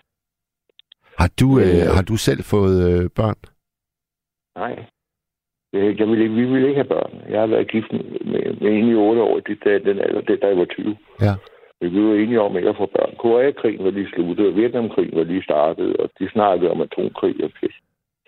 Så lige så mig som hun vi, vi blev enige om ikke at få børn. Altså, verden var simpelthen ikke et egnet sted. Det var sådan, I tænkte. Ja, vi synes ikke, at vi ville øh, producere et offer, mere. Nej. Så det var sådan set. Det var alt, hvad vi havde. Vi havde det meget godt med det. Så, ja. Men, øh, ja. Jeg tror ikke, jeg har så meget mere at fortælle. Jamen, Jørgen, det var altså øh, ikke så lidt. Så øh, lad, mig, lad mig lige holde lidt mere, øh, lidt mere på dig. Hvad, hvad, Ja. hvad lavede han før øh, øh, bryggeriet? Var det, var det så jord- og betonarbejde? Var det sådan, det var? Ja, det var det. Det var jord- og betonarbejde, ja. Han ville have været arkitekt, men øh, de havde ikke råd til uddannelsen. Så, så det var det, det han, han blev arbejdsmand hele livet. Kan du, øh, kan du huske, Jørgen, den danske film, der hedder Den Store Badedag med Erik Clausen i hovedrollen? Ja, jeg, kender, øh, jeg har hørt titlen, jeg kender den ikke. Jeg har ikke set den. Altså, det, det, der er jo nogle elementer i din fortælling, som også går igen i den film, og en af dem, det er, at øh, Erik Clausen, han i, i sin rolle altid skal fortælle sin søn øh, store historier fra Pampasten. Og det er sådan nogle store, dramatiske fortællinger, og drengen sidder der med kæmpe store øjne. Øh, men så sker der jo også det i, i den film, som der også gør ofte i virkeligheden, at, at lige pludselig så, øh, så falder faren fra, fra tænderne, og, og drengen må indse, at øh, der er altså også ting, øh, hans, hans far ikke magter. Øh, Mhm. Og man får ligesom et mere, hvad skal man sige, virkelighedstro billede af det menneske, man måske har idealiseret og, og, og set voldsomt op til. Oplevede du også det? Altså i takt med, at øh, du, du ligesom registrerede, at din far han, han blev lidt for tørstig på arbejdspladsen? Nej, slet ikke. Nej. Slet ikke. Øh, sådan noget som krigen og hans barndom og sådan noget, det snakker han aldrig om. Det ville han ikke snakke om. Nej. Og heller ikke min mor i øvrigt. Men det var måske, fordi han var det der frihedskæmper, så skal de jo holde kæft. Så, øh, eller han var øh, frihedskæmper. Ja. Og, og min mor var selvfølgelig 100% lojal. øh. Altså, der var ingen, der vidste det eller noget som helst. Øhm, men hvad var det pokker var, du spurgte? Øh, nå jo, det var det der... Øh, han snakker aldrig om krigen. Det gjorde han ikke. Nej. Nej. Der har ikke været noget ubehageligt der. Eller der har ikke været noget behageligt der. Så, Og hvad med, hvad, med, hvad med hans sidste tid? Altså var, var du til stede øh, der, eller? ja, han døde hjemme. Ja. Så, øh, så jeg var besøg. Jeg var besøg ham nogle gange. Ja, et par gange om ugen. Så Ja. Var, han- var, han, var han sengeliggende til sidst, eller øh, skete det bare lige pludselig? det skete faktisk lige pludselig. Det gjorde det, fordi... Øh, nej, han, han, sad, ved, han sad i stolen ved sofabordet. Ja. Ja. Så Min far, han, øh, han havde jo også øh, laster, må man sige. Han elskede øh, pibetobak, og han elskede øl. Men, men da han så får, øh, får kraft, og den øh, virkelig begynder at, at slå til ham, så var det sådan, at øh, fire uger før han gik bort, der, øh, der sagde han til min mor, at øh, nu smager øllet mig sgu ikke mere. Så nu stopper jeg med det. Og så sagde han fire døgn, før han døde, der havde han pipen i munden, og så øh, lagde han den i askebadet, og så kiggede han på min mor, og så sagde han, Nå, nu smager tobakken sgu heller ikke af noget længere. Så nu går jeg i seng, og så står jeg altså ikke op igen. Og det, øh, det var det, der skete. Vi, vi var øh, hos ham de sidste fire nætter der. Og, øh, han har været klar.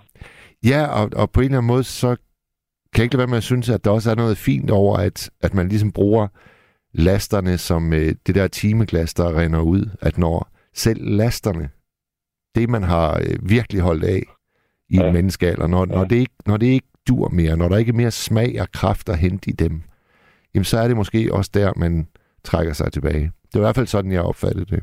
Jamen, det er også en meget, meget fin øh, øh, indika- altså, øh, vurdering. Øh, helt klart. Ikke? Altså, det, er- det er meget sjovt, som du, som du kan se det. Ja, ikke sjovt, men altså, forstå mig ret. Det er interessant, som du, du kan se det der. Ikke? Øh, men når det ikke smager mere, det ikke smager mere sådan noget, så, Så slukker vi er lyset. Ja. Jeg må også indrømme, at jeg ryger. Og dem er der har jeg svært ved. Jeg kan ikke holde op. Det Nej, nej. Jeg, det gør jeg også. Jeg, jeg har aldrig prøvet at holde op. Jeg faktisk, jo, jeg, nej, jeg har prøvet at skære ned på det, og det, det lykkedes faktisk. Ja. Jeg, jeg, ja, ja, det er selvfølgelig ikke for at snakke sygdom, men der var den der ko- ko- øh, covid-19, eller der er den der covid-19, og den fik jeg øh, en måned før, den blev officiel. Jeg kunne ikke forstå, hvad det var. Jeg kunne ikke forstå, det var den grove der, hvor man ikke kan trække vejret. Ja. Og så har jeg fået, øh, efter den tur, der er jeg så 50 procent lungekapacitet tilbage. Og så burde jeg jo selvfølgelig holde op med ikke? Ja. Og det kan jeg ikke. Nej, Der er nej. Der er sgu ikke noget at. Det, det, det ved jeg ikke hvorfor, men det, det må jeg jo leve, leve med. Jo. Ja. Og, og så jeg har ikke overvejet at holde op, fordi det, det har jeg ikke lyst til. Jeg kan godt lide en cigaretter. Og, øh, og jeg kan heller ikke. jeg, kan, jeg, jeg, har, jeg har gået ned på halvdelen. Og det er godt gået. Ja, fra, fra 30 til, til 15. Ja. Og har du også ligesom, øh, har du også ligesom et, et, et morgenritual og et godaften-ritual? ja, det koster tre smøger. Ja. Morgenritualet, det koster i hvert fald tre smøger. Prøv, Det er prøv, prøv, prøv at beskrive det øh, for os, Jørgen. Okay, jeg smider dyden til side og finder ud af, at jeg er i live, og hvad jeg hedder, og alt det der. Det skal lige på plads. og, og, så, øh, og så skal jeg have en kop kaffe og en smøg, og så har jeg en lille terrasse derude, der hvor jeg bor. Ja. Meget lækkert. Og så går jeg derud og sætter mig. Især om sommeren er det fedt, ikke? Og så øh, sætter jeg mig derud, og så rører jeg en smøg. Og så er det der, jeg finder ud af, hvad jeg hedder, og hvorfor, og hvor gammel jeg er, og, sådan noget, og hvor jeg bor. Ja. Og så når jeg har gjort det, så går jeg ind, og så får jeg lidt vand i hovedet, og tager mig noget at spise og sådan noget. Og så skal man have en kop kaffe og en smøg bagefter. ja, det lyder sgu meget som min morgen. hva'? Og så kommer den sidste smøg. Det er, når alting er overstået, og jeg måske lige skulle ringe til en eller anden person og få lige det til væk. Øh, øh, Efter jeg har ordnet morgenritualet, øh, så skal jeg have en cigaret. Ja. Sådan er det. Og så er dagen, så er dagen ligesom øh, slået an. Ja, ikke? Hvad så, hvad så når, når du er ved at gå til køjs? Hvordan er ritualet der? Ah, det er sådan noget, jeg skal lige have. Øh, når jeg, øh, jeg, jeg er sådan den gammeldags type der. Jeg skal lige have rettet puderne og altså når lige rydde lidt op. Og så når jeg har gjort det, og børste mine tænder som det sidste, så går jeg ud og rydder en smøg.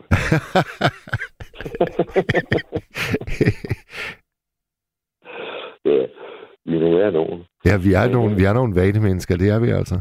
Mange af os. Ja, nej, jeg sagde godt nok, vi er nogle værre nogen. Ja, Men øh, van, ja, vanemennesker, ja, det er vi. ja. Men det er også fordi, desværre, han, altså, det er noget, vi kan lide. Ikke? Altså en kop kaffe om morgenen og sådan en smøg, det må jeg indrømme, det, det, det, det er det samme som en kransekage for andre mennesker. ja det, det er jeg helt enig. Jeg spiser aldrig kranskage, men lige den der beskrivelse, morgenkaffe. jeg kan ikke fordrage det. Det er alt for sødt. Jørgen i Valby, øh, tusind tak, fordi du ringede ind til os. Ja, velbekomme og, og god, god fornøjelse i resten af aftenen. Tak skal du have. Hej, Godnat. hej. Godnat. Godnat. Åh, jeg synes, det er sådan en skøn, stille januarnat, vi har, øh, Rebecca. Er det, er det sådan, at vi, vi kan gå direkte til den næste, eller skal vi lige øh, sætte et stykke musik på, og så få den næste igennem? Vi tager lige et par sms'er, siger Rebecca. Det gør vi. Der er en, der klager over, øh, det er bunderøven Jens, han skriver, fri os fra alt det amerikanske pis. Der er så meget dejlig dansk og nordisk musik. Er du betalt af den amerikanske musiklobby? Radio 4 får jo statsstøtte. Så bør I vel også spille dansk musik? Jamen altså, det sidste nummer, vi hørte, var jo Gine Marker. Hun er da pæredansk. Og det næste nummer, vi skal høre, det er med Liga. Det er pæredansk. Og det sidste nummer, hvis vi når det, det er med nordjyden Allan Olsen. Så øh, du, kritiker derude, Jens, vi, øh, vi har faktisk en fordeling i nat, der hedder to udenlandske sange og tre danske. Det er vist meget fint. Så lad os se... Nå, nu kan jeg se, at Rebecca, hun øh, har en, øh, vi kan få igennem. Jeg tror, vi er at være der måske. Er det sådan, at vi har en... Ja, har vi en igennem her? Ja, goddag, Mads. Jeg skal lige skrue ned for den der... Ja, vi Det skal, var- vi skal lige have slukket for din radio, tror jeg. Ja, det, jeg, den er helt nede på 0 nu. Godt. Øjeblik, jeg slukker helt for. Ja, gør det ikke, Erik. Goddag igen, Mads. Hvordan, øh, hvordan har du det ude i Nordvest? Er det ikke i Nordvest, vi er? Jeg har det helt fint. Godt. Bortset fra, at jeg savner også gør, ikke? Hver dag. Ja, fortæl os, øh, det var, det, det var nemlig, jeg læste din sms op tidligere. Du, du havde en far, der hed Oscar. Sovus Wilhelm Fortæl fra, om ham. 19, fra 1907. Født i 1907. Ja, Det er fem år f- før Titanic øh, Ja. kendrer. ja. Så det oplevede han ikke. Men han har jo oplevet en masse andre ting. Ja. Øh, Hvad, hvad, hvad er det første, du ligesom husker om øh, din far, Oscar? Ja, det er jo hans... Øh... Altså, vi kommer jo fra en anden boligforening der, Tibia Gade, Gulberplads, Reffende Skov hedder den. Ja. Så er jeg godt at sige nu. Øh, er der andelslejligheder, hvor øh, familie bor på familie, fordi de har første ret til at komme ind. Ikke? Og der kom min far og mor ind øh, ja, før 2. verdenskrig i øh, Rensesgade. Ja.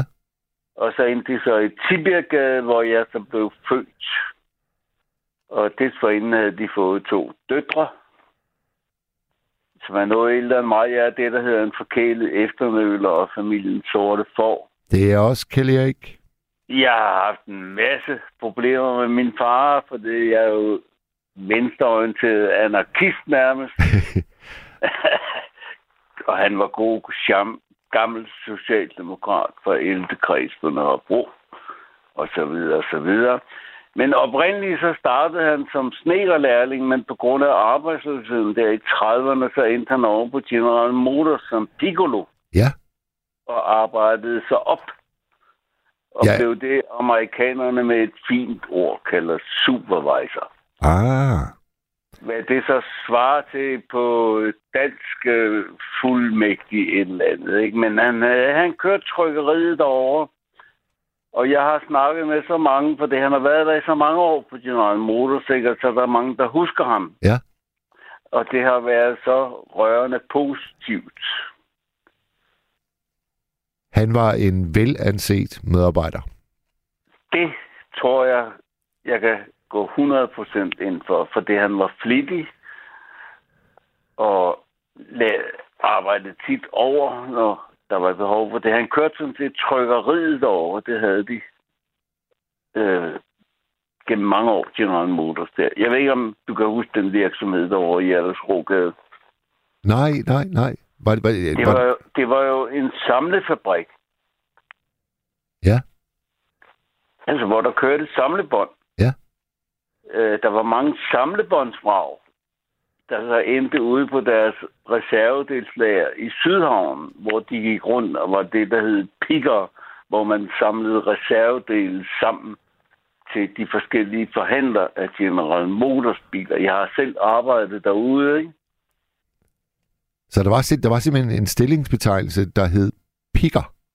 Ja, ja, ja, det var den En, gang. en, der, det var en, der i, samler øh, ting ja, op. det var det, var i slutningen af 60'erne der, ikke? Ja. Ja. Hvad var det for nogle konflikter, du havde med, med far Oscar? Var det, var det kun sådan nogle politiske øh, nogen? Ja, det var mest politisk. Det var det. Han, han synes ikke, det var, øh, det var ikke øh, på sin plads, at du var mere venstreorienteret, end han var. Nå, men hvad var det? Øh, Jens Otto Krav, han kaldte øh, venstresocialisterne, kan du huske det? Ja. Starutter. ja. Dengang de røg ud, så sagde Jens Otto Krav, så slap vi af med de starutter. Ja. Men min far meldte sig ud af Socialdemokratiet, og det var dengang, at Augen og Nyrup begyndte at skændes om, hvem der skulle være formand. Nå, det kunne han ikke, det kunne han ikke lide. Nej, det kunne han sandelig ikke lide, for det, det, det var jo skåret gelinde med, hvem der skulle være formand inden for Socialdemokratiet, ikke? Jo. Jeg ved ikke, hvor meget du kan huske om det. I, nej, nok, nok ikke så meget som, Nå, men der som var du. jo aldrig kampvalg, før det skete mellem øh, Nyrup og Augen der. Nej, og det var saftsus med øh, dramatisk. Ja, det var dramatisk. Og, og der var det min far, øh, han meldte sig ud af 11. kreds og opsagde abonnementet på Aktuelt, som det hed dengang, den socialdemokratiske sprøjte. Ja, han, Det han, altså, han, han, tog det, han tog det virkelig... Det Øh, på én gang. ja, Og jeg kan lige så tydeligt huske situationen, for jeg var der i Tibirgade, da de kom fra 11. kreds og spurgte Oscar, hvad, hvad, hvad er der galt? Hvorfor både det ene og det andet der? Og han gad ikke at svare dem. Han sagde bare, der er for mange gentagelser i fjernsynet. Det var hans begrundelse. ja. Og det vidste de ikke, hvad de skulle svare på, vel, så de gik pænt i ro og orden. Hvor gammel, Det blev, øh, hvor gammel blev far Oscar? Ja, han blev 96. Og Hold da kæft. Hold da kæft. Jernbryllup var lige efter det døde han over på Rigshospitalet. Jeg fulgte ham til gravs. Lige efter jernbryllup. Ja, det var lige efter. Han ligesom, for min mors skyld, ville han have det jernbryllup der, ikke? Og det klarede han perfekt endnu en gang. Og hvor, hvor, hvor gammel var du der, Kjell Erik? Ja, det kan du selv regne ud. Jeg er på 45, ikke? Ja, altså hvor mange år siden er det, at far Oscar han... Øh... Ja, øh, ved, du, ved du hvad, Mads Jarle, øh, jeg bliver altid lidt forvirret i hovedet med alle de tal. det kender jeg sgu godt. ved, du hvad? ved du hvad? Det skal vi ikke lede efter, det eksakte årstal. Vi, vi, vi er med dig. Vi er fuldstændig med dig. Men, men, men kan vi så øh, huske, jernbryllup, har man så været sammen i 60 år, eller... 70. Det er 70 år. Hold nu kæft, mand. Og jeg er lidt sur på vores majestæt, for man plejer at få et telegram, men ikke om hun kunne finde ud af at sende det. Men vi reklamerede heller ikke for det jo, for han var jo ved at dø på det tidspunkt, ikke? Nå, der, der plejer man simpelthen at få en, øh, en henvendelse fra kongehuset, hvis man har været jamen, gift. Jeg ved, jeg ved det ikke 100% masse, men øh, det har jeg i hvert fald hørt.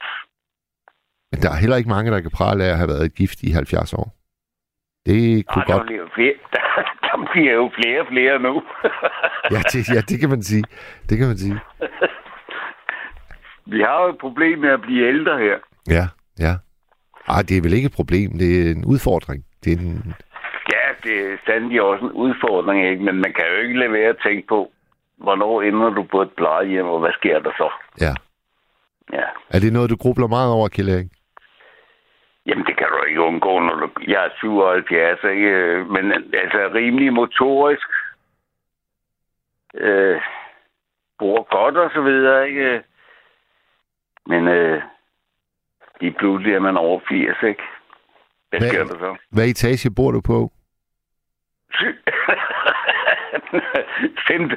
Femte. Og der er ikke elevator? Jo, jo, der er to elevatorer. Nå, nå. Svage gang til hver sin. Det er, de, øh, det er de, et af de fire højhus, der ligger her på Stærvej. Ikke? Jeg har en fremragende udsigt til, der vil jeg gerne bo. Ja. Eller høj, højhusen. Modtaget. Dem kender du godt, ikke? Jo, jo, jo, jo.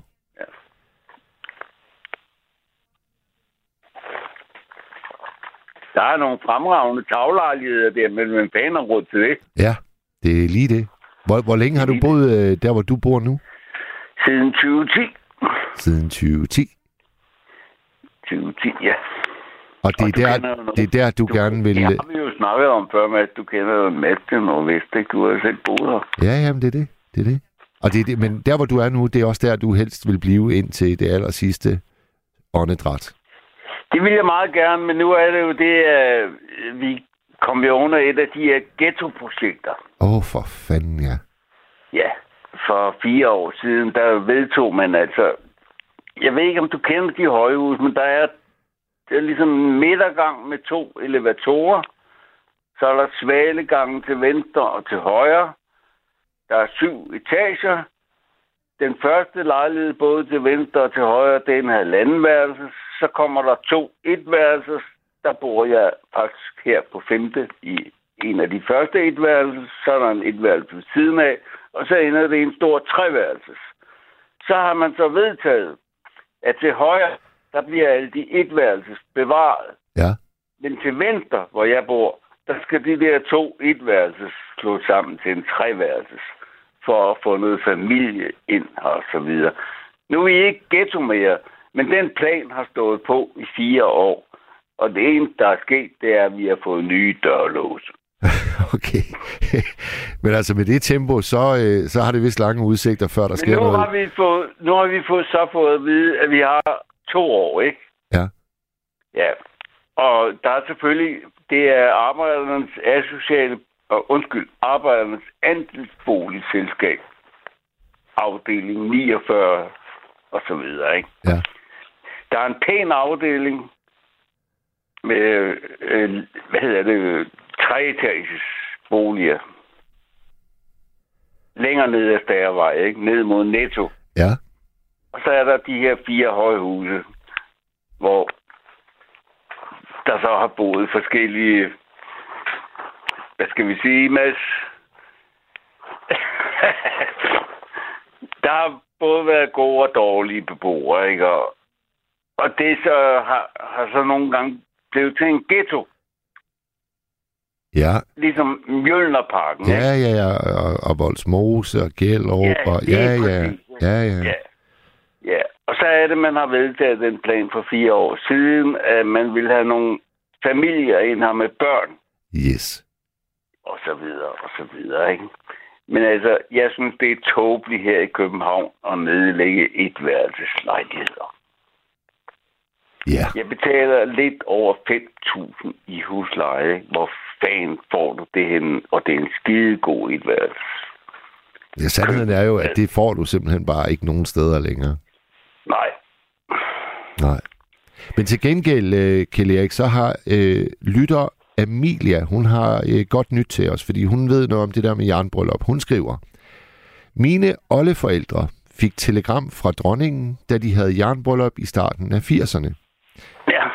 Men måske er det blevet for meget i takt med, at levealderen er steget. Det ved jeg ikke. Men altså i hvert fald... Der har, en- været, der har været så mange jernbryllup. Ja, det, det kan godt være, at hun får skrivekrampe af alle de jernbryllup, der har været sidenhen. Men i 80'erne, Kjell Erik, der fik man i hvert fald. den har fået åndenød på grund af...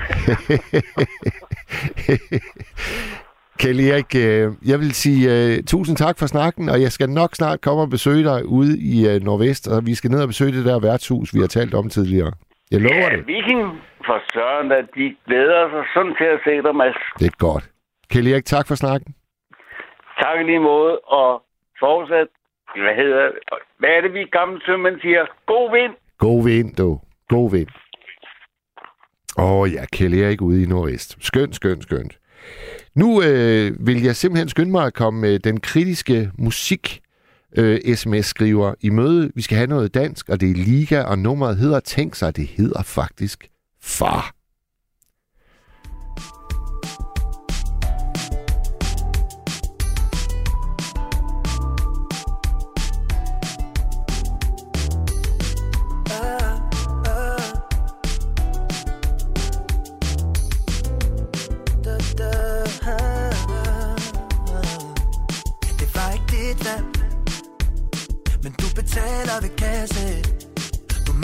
Møder først Og du er den sidste som ringes hjem. Du placerer igen for en fjernsyn og skærm Bag en halvlukket dør Mor og far bliver til fremmede sjæle. Det troede bare det kunne fikse det hele. Nu var du to hjem. Hver anden weekend besvarer tid. Ikke misforstå det men mor har også ting at tage sig til. Konsekvenserne af flytte frem og tilbage. Psykologen hun sagde, at det hele det var for det bedste. De troede en teenager kunne klare det hele. Ah, ah. Var jeg ikke bliver som min egen, egen Far, far? Var jeg ikke bliver som min egen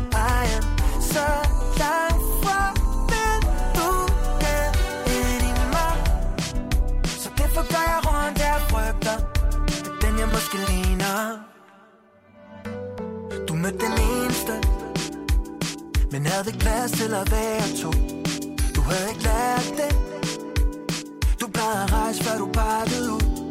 Så du fandt dig en anden lige så tabt som dig selv Du to halve gen Hvorfor skændes I så hele tiden.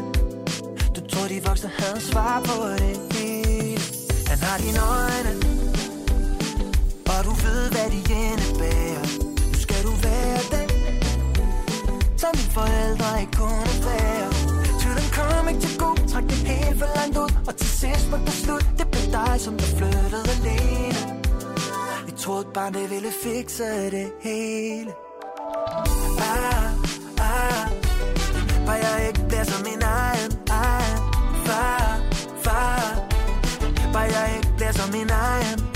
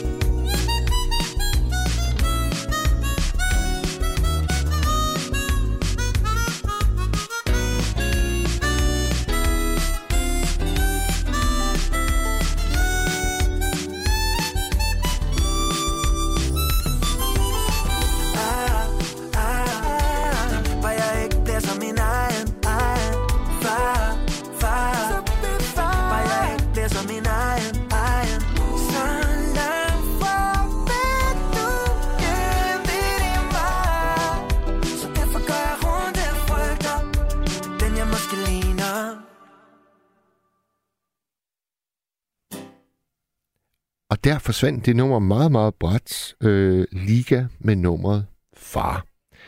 Rebecca, hun er øh, telefonisk i kontakt med den stemme, vi nu får igennem, så jeg tør godt lige skrue op for etteren her.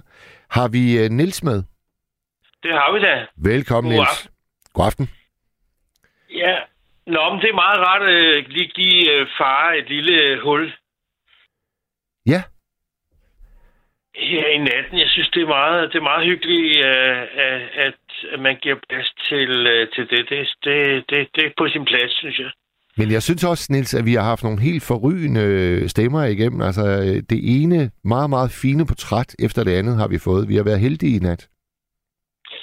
Ja, men øh, gudskelov har øh, de fleste jo også måske haft en, øh, en far, som er, øh, har haft en rolle, og som har sat et præg på, øh, om ikke andet i hvert fald, så på, på mange drenge, ikke? Fordi det er jo som regel øh, det eneste, vi måske rigtig har haft som rollemodeller, ikke?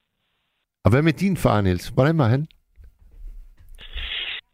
Jamen, øh, han var politimand, og han, øh, du ved, øh, var retfærdigheden selv, og var sød og, og, og rar og fornuftig og så videre, og, øh, og det betød selvfølgelig noget, når man var politimandens søn, så skulle man opføre sig ordentligt jo.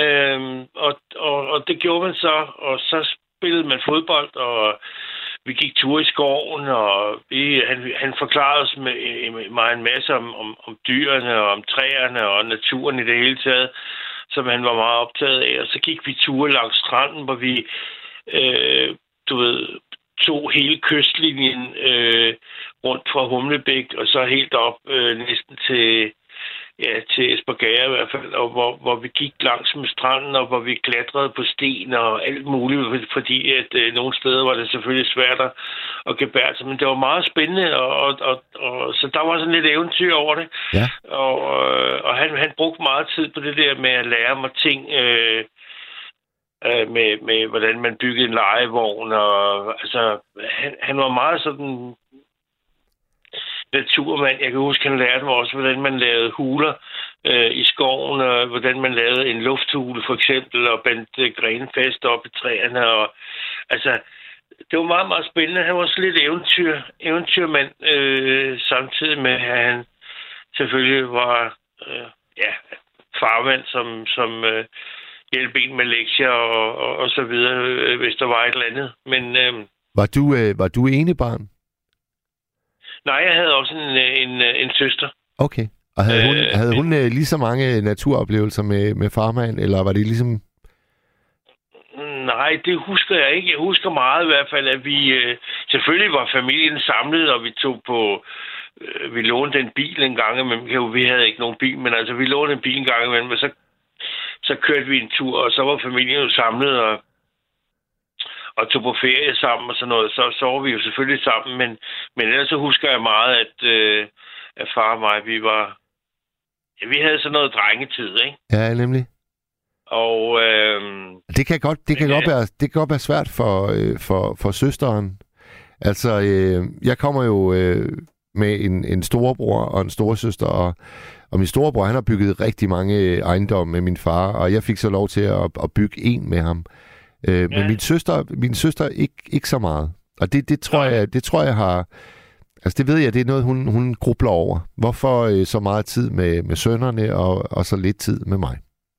Ja, men øh, jeg ved det ikke, men, men jeg tror, altså sådan som jeg husker det i hvert fald, øh, der øh, havde jeg jo en mormor, som boede meget tæt på os, og hun, jeg kan ikke huske, men jeg, jeg synes, hun var der altid, og hjalp min mor med at lave mad og vaske tøj og gøre rent og alt muligt, selvom hun havde sit eget, og, og se til, men jeg, og var der, når vi var syge, og kom med Anders Sandblad og appelsiner, jeg ved sgu ikke hvad, men altså, Ja. Øh, hun, hun var fandme god at have, og, og var et vidunderligt menneske, men, men, men jeg synes bare, at, øh, at det er sådan, jeg husker det, at, øh, at, at pigerne, du ved, de havde deres køkken, og de havde deres gøremål og så videre, og der var, der var ting sgu ligesom mere delt op, tror jeg, i, i, i kvindesysler, og, og, og det som mænd så brugte tid på, ikke? Jamen, det er jo, det er jo rigtigt nok, fordi, at, øh, som jeg beskrev tidligere, altså, øh, min mor, hun tog på charterferie med min, øh, med min storesøster, og så blev jeg hjemme sammen med, med far.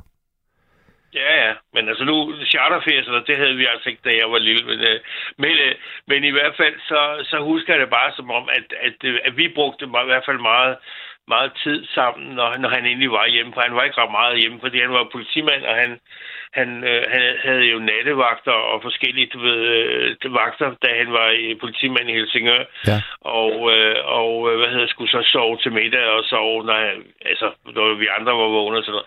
Og så øh, senere så kørte han jo ved færdspolitiet, hvor han øh, kørte i Jylland på motorcykel jo, øh, om sommeren, øh, hvor han var væk i 14 dage ad gangen, og så var han så hjemme og køre på Sjælland øh, 14 dage. Sådan, så så der, der var en del huller, hvor, hvor vi måtte ligesom klare os selv, ikke? Ja.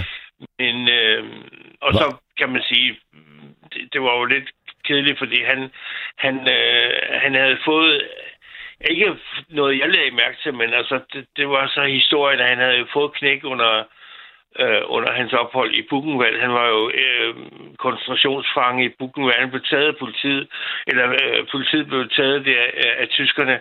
Dem, der i hvert fald ikke nåede at komme væk, øh, de blev jo fanget af tyskerne der, øh, og blev sat på øh, kreaturvogn, du ved, øh, og så blev de kørt til øh, Tyskland i koncentrationslejren, så sad de så øh, indtil krigen sluttede, og mange af dem overlevede det jo ikke, og de og dem, der kom hjem, de kom hjem som, som øh, nærmest levende lig, ikke? De var jo fandme ikke andet skin og ben, og var sygdomme og alt muligt lort.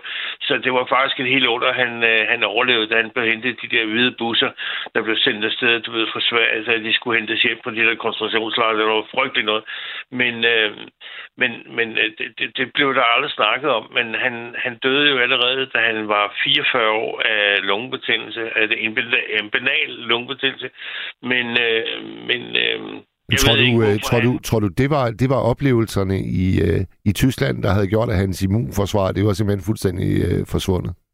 Ja, åbenbart. Ja. Øh, fordi at, øh, han lå hjemme i en uge, og, øh, og han, han var ellers, synes jeg, sådan en, en, en frisk øh, mand, du ved, der, der løb turen, og han var hjemme i skoven, og ja, altså jeg kan ikke huske, at han egentlig fejlede noget, men, men øh, så fik han det der lungebetændelse, og så ville øh, det der penicillin, han fik, det ville åbenbart ikke rigtig virke, og så, da han havde ligget hjemme i en uge, så blev han så overført til hospitalet, og øh, der var han så i en, i en lille uges tid, og mor var oppe og besøge ham, kan jeg huske dagen før. Ja, det var nok frygteligt noget. Dagen før juleaften, kan jeg huske, at vi skulle holde jul hjemme hos os, som plejede. Og øh, familien var kommet, du ved, tante og onkel, og jeg ved ikke hvad. De skulle så over og besøge ham der juleaften om, øh, om øh, formiddagen. Og så kan jeg bare, jeg kan bare huske det der med, at de kom hjem øh, fra hospitalet, øh, og døren den gik op, og der var jo de tudbrølede alle sammen, og det var, altså, det, det var helt vildt forfærdeligt, og det kom jo som et kæmpe chok øh, for mig. Jeg var 14 år, og øh, ja, teenager, og var lige startet, kan man sige, næsten på mit, mit ungdomsliv, så jeg, jeg var jo fuldstændig øh, ja, ødelagt og, og solgt til stranglekrigs, kan man sige, derfra, øh, fordi så manglede jeg jo min far Ja. i resten af min tid i min opvækst, så det, det, det var noget frygteligt noget, det var det. Altså, så, det- altså, så juleaften, det, det, det har fået sådan en speciel, en speciel plads i ens liv, øh, fordi det, det, det, det glemmer man jo ikke. Nej, det er det. Men, øh, men i hvert fald så, øh, så har man selvfølgelig alle de gode minder, øh, og, og, og, og, og ligesom øh, ham, du havde igennem før, øh, som også havde mistet sin far i en, en, en tidlig alder, at, øh, at det sidder jo dybt i en, og det vil sige, når man selv når, så kan jeg huske, da jeg begyndte at nærme mig de der 44 år, så tænkte jeg, øh, du ved, så havde man egentlig en eller anden idé om, at, at øh, hvis det var noget, der gik i arv, så havde man sgu ikke så lang tid tilbage at leve i, ikke? Nej. Og nu er, jeg, nu er jeg på vej til 73, så, så det gik jo selvfølgelig meget godt, men, men det sidder i en. Altså, det har været et, et, et stort chok, man har fået der som, øh, som knægt, ikke? Ja, det er altså... Altså, at, at, at livet pludselig bliver en, en meget skrøbelig ting, ikke? Og, øh, og at øh, man ikke kan tage for givet, at, øh, at folk, de bare er her, bliver gamle, vel? Men du har jo sikkert også øh, dengang øh, hørt, at om det, det er lungebetændelse, det, det er ikke noget... Altså, det, det, det er træls, men det er ikke noget, man, man dør af. Nej, nej, vi var slet ikke oppe på elastikkerne, eller overhovedet. Øh, heller ikke, det far kom på hospitalet. Det var bare noget, der skulle overstås. Og ja. jeg kan huske, at mor kom hjem, da hun havde været op dagen før juleaften, og, og sagde, at nu havde hun snakket med far, han havde siddet op, og dit og dat. Altså, det, det lød alt sammen som om, du ved, at der var, der var, det, det, det var på vej i den rigtige retning, ikke? Så det kom jo som et kæmpe chok, at han, at han pludselig bare var død i løbet af natten, ikke? Ja. Så, så hvordan han øh, har været skruet sammen, øh, rent, øh, hvad skal man sige, øh, øh, fysisk øh, efter det der ophold i, i Buchenwald, hvor de selvfølgelig øh, ja, har fået nogle, nogle dybe, dybe sorg og traumer og alt muligt andet forfærdeligt, øh, som de så skulle leve videre med.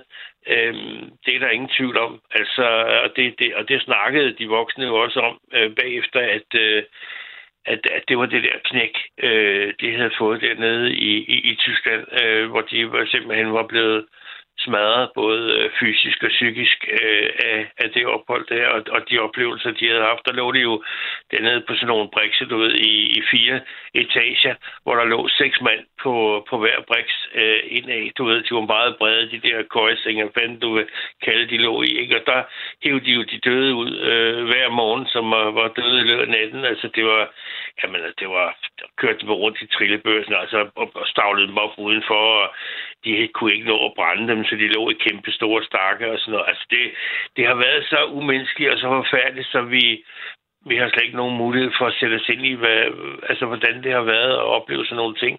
Niels, øh, de beskrivelser, du lige har kommet med, er det nogen, som din, din far gav videre, eller er det nogen, du har, du har erhvervet dig an- andet sted? Vi havde øh, derhjemme, der kan jeg huske, vi havde sådan nogle store, tykke, indbundne, læderindbundne øh, bøger Ja. med, øh, med billeder dernede fra, fra, fra krigen i det hele taget, og fra ja, skyttegrav og, og fra, fra koncentrationslejre alle vejen, øh, med, med de her øh, stakkels mennesker, der stod der øh, med fuldstændig hullede øjne, du ved, og, og fuldstændig indsunkede kinder, og ikke andet end skin og ben, og bare glåede fuldstændig tomt ud i luften, fordi at de var fuldstændig øh, ødelagte. Øh, Øh, masse grave, du ved, hvor folk bare lå i bunker øh, og blev helt over med alt muligt lort, så de ikke skulle lukke for meget, og egentlig blev dækket til.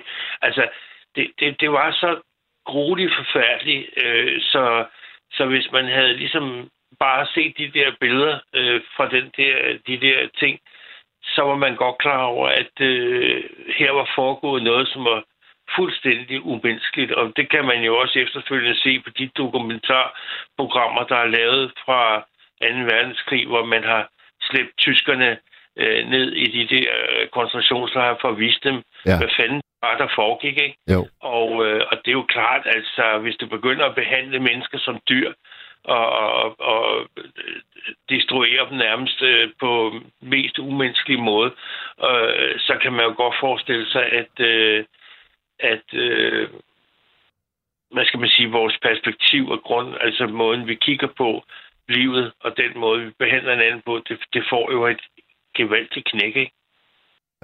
Nærmest uundgåeligt, ja. Ja, så, så jeg vil sige, at, øh, at jeg er jo meget heldig, øh, at jeg er. For jeg, jeg kan jo ikke lade være med at tænke på, hvis nu ikke han havde overlevet, hvor, hvor jeg, havde jeg så været hen? Havde jeg så stadigvæk været her, eller, eller, eller, eller hvad? Ja. Altså, havde jeg så tilhørt den anden familie, eller, for vi, det ved vi jo ikke noget om, altså, hvad det er, der gør, at vi, at vi er her, at vi ikke er blevet en plet på lanet, eller at vi har en historie af de gener, vi har i vores krop, og alle de mikrober, der farer rundt ind i os, at det er faktisk arveanlæg, vi har fået videre øh, givet fra vores fædre og mødre, som øh, igen har fået fra deres fædre som igen har fået fra deres fædre lige så langt tilbage, du overhovedet kan komme, Ja. så er du, så er du sidste led, kan man sige, som, øh, som er en del af, af hele den der lange, lange øh, historie, og, øh, og, og har skabt dig øh, som specielt individ med dine øh, karakterer, dine evner, ikke? Ja. Det er jo, det er jo helt fantastisk. Men øh, så, så jo, jeg er meget taknemmelig for, at han, at han kom hjem og, og, og sørgede for at, at producere sådan en til mig, som så har fået en, en tilværelse på lov at være og opleve det og, og have et liv. Ikke? Hvad hed din far, Niels? Han hed Sigurd Kavlius Fransen. Ja.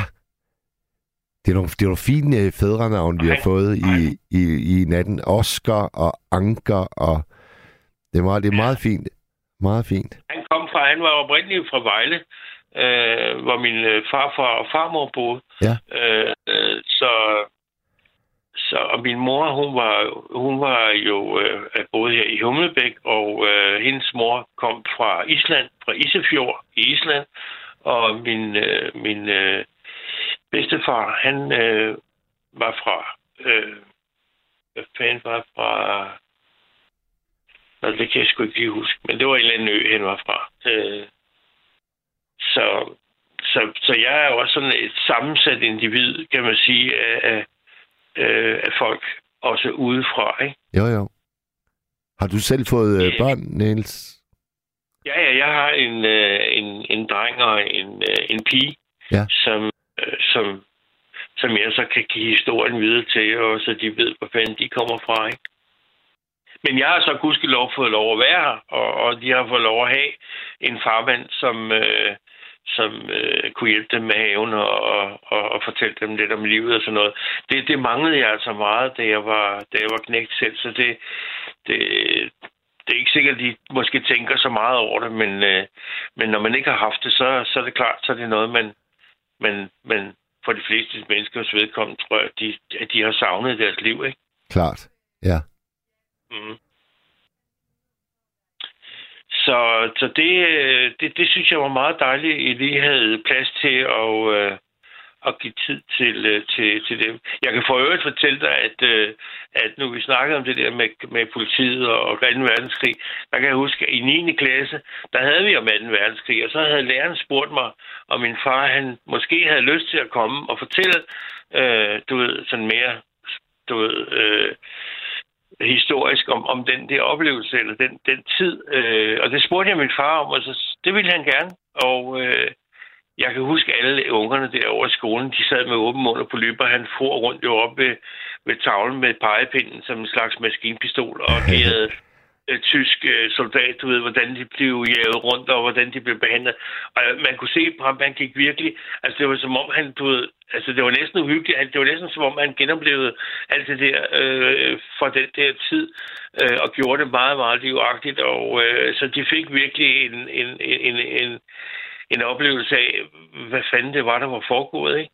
Altså det, må- det må jeg sige, altså det er også meget modigt, at den lærer, der bad ham om det, fordi øh, man kan jo godt forestille sig, at det må have været svært for ham at dosere al den gro.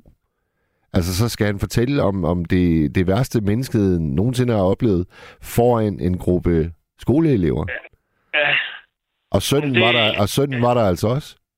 Ja, ja, og jeg havde ikke hørt om det, for han snakkede jo aldrig om det. Altså, jeg havde de der bøger, og jeg havde set de der frygtelige billeder, og, og det, det er så, hvad det er. Øh, men, øh, men det er klart, at øh, når, når det pludselig bliver nærmest, du ved, øh, dokumentar, dokumentarisk øh, gengivet øh, af levende væsener, der pludselig begynder at agere, så, så bliver det pludselig meget øh, virkeligt på en eller anden måde øh, at, man, man, man, at man opfatter det anderledes, end øh, når man bare sidder og bladrer i en bog. Ikke? Ja, klart. Var, var, var du stolt af ham i, i den time der, Niels? Jeg tror, jeg tror, jeg var mere... Øh, altså, jeg, jeg tror, jeg skulle være mere chokeret over... Øh, altså, fordi for, for mig var det jo noget, jeg havde svært ved at forstå overhovedet altså, havde eksisteret. Jeg havde svært ved at, at forestille mig den verden, jeg selv kom fra, hvad, hvad, det, hvad det var for noget. Fordi vi havde jo ikke oplevet noget af det, hverken rationeringsmærker eller, eller noget andet. Altså, øh, vores liv startede jo i 50'erne, og der var der jo, der, der var, gik pilene jo opad øh, med øh, velfærden startede, kan man sige, nærmest der. Ikke? Og, øh, og så jeg har, jo, jeg har jo levet i en tid, hvor det bare har været øh, arbejde og, og fest og farver, og man og danse med pigerne. Og, øh, altså, der har jo ikke været manglet noget. Øh, hvorimod den tid, der var før jeg kom til verden, de var jo noget helt, helt andet. Og når man hørte de gamle beboerne fortælle om, du ved, hvordan de øh, måtte finde ud af at komme kokpropper på fældene på cyklerne, fordi man kunne ikke få gummi, og man kunne ikke få kaffe, og man kunne ikke få noget, og folk hjalp hinanden på kryds og tværs, og havde øh, øh, faldskærmssoldater gemt op på loftet, og øh, SS kom på besøg og trampede rundt der. Altså, hele den der verden af frygt og af, af, af hemmeligheder og sådan noget, altså, det var meget sjovt at høre om, fordi på den anden side, så kan man jo altid sådan, du ved, grine lidt af det, eller synes, det var lidt sjovt og spændende, men, men øh, mens det har stået på mig, har det selvfølgelig været forfærdeligt. Og ja. vi andre, som ikke har været der og været til stede, jamen vi, vi, vi lytter jo selvfølgelig og, og, og, og, og samler det sammen, vi nu kan, men, men det selvfølgelig, har selvfølgelig været noget helt andet at være i det. Kan du huske, da I forlader klasselokalet, øh, går I så sammen hjem, eller hvordan? Øh, jeg kan bare huske, jeg kan bare huske den der stillhed. Ja. Jeg kan huske den der larmende stillhed, der var, at, øh, at det pludselig som om, at det var gået op for folk, at, at, øh, at det, der var lige sket, det havde man fuldstændig... Øh, det var en helt anden verden. Man havde meget svært ved at forholde sig til det. Og, og bagefter så havde vi jo selvfølgelig lange samtaler, hvor vi snakkede om det, og hvor vi skulle skrive om det, og jeg ved ikke hvad, for ligesom at få det bearbejdet. Men, men, øh, men, men det var spændende, at der pludselig var nogen, som rent faktisk altså, havde været der og havde set det, havde prøvet det og rørt ved det, øh, og det ikke bare var nogen, der havde læst noget i en bog, ikke? Lige præcis. Ja. Det må også have givet dig noget, øh, noget respekt fra, fra klassekammeraterne, forestiller jeg mig. Øh, ja, altså... Det ved jeg ikke. Jeg, jeg, jeg tror bare, at dengang, der havde man jo sin, øh, sin respekt i behold for øh, både øh, lægen og, og for politiet og så videre. Der var jo ikke nogen, øh, der andet end, end, end holdt deres kæft og rettede ryggen, hvis de blev stoppet af politiet og fik at vide, at de skulle huske at, at have lygten tændt på cyklen, eller, eller hvad det nu var. Så øh, der var jo ikke nogen, der hverken øh, øh, råbte eller kastede sten på politibilen, eller øh, kaldte dem hverken det ene eller andet, så fik man jo nogen over nakken. Og det, det, det, det var nok forskellen på den gang, og så i dag, hvor det er som om, at folk, i hvert fald mange, har jo fuldstændig mistet respekten for, for alting, ikke? Lad det være de sidste ord her i uh, nattevagten. Niels, tusind tak, fordi du ringede ind. Ja, velbekomme, og god nat til jer. I lige måde. I lige måde. Jeg kan lige nå hurtigt at sige tak til de andre, vi har haft igennem. Inger, Lone, Jørgen, Kjell Erik. Og øh, tak til alle øh, sms-skriverne, og tak til dig, Rebecca. Altid en kæmpe fornøjelse at lave nattevagten med dig. Nu øh, vil vi øh, cykle ud i verden, og så må I sove så godt nu klokken.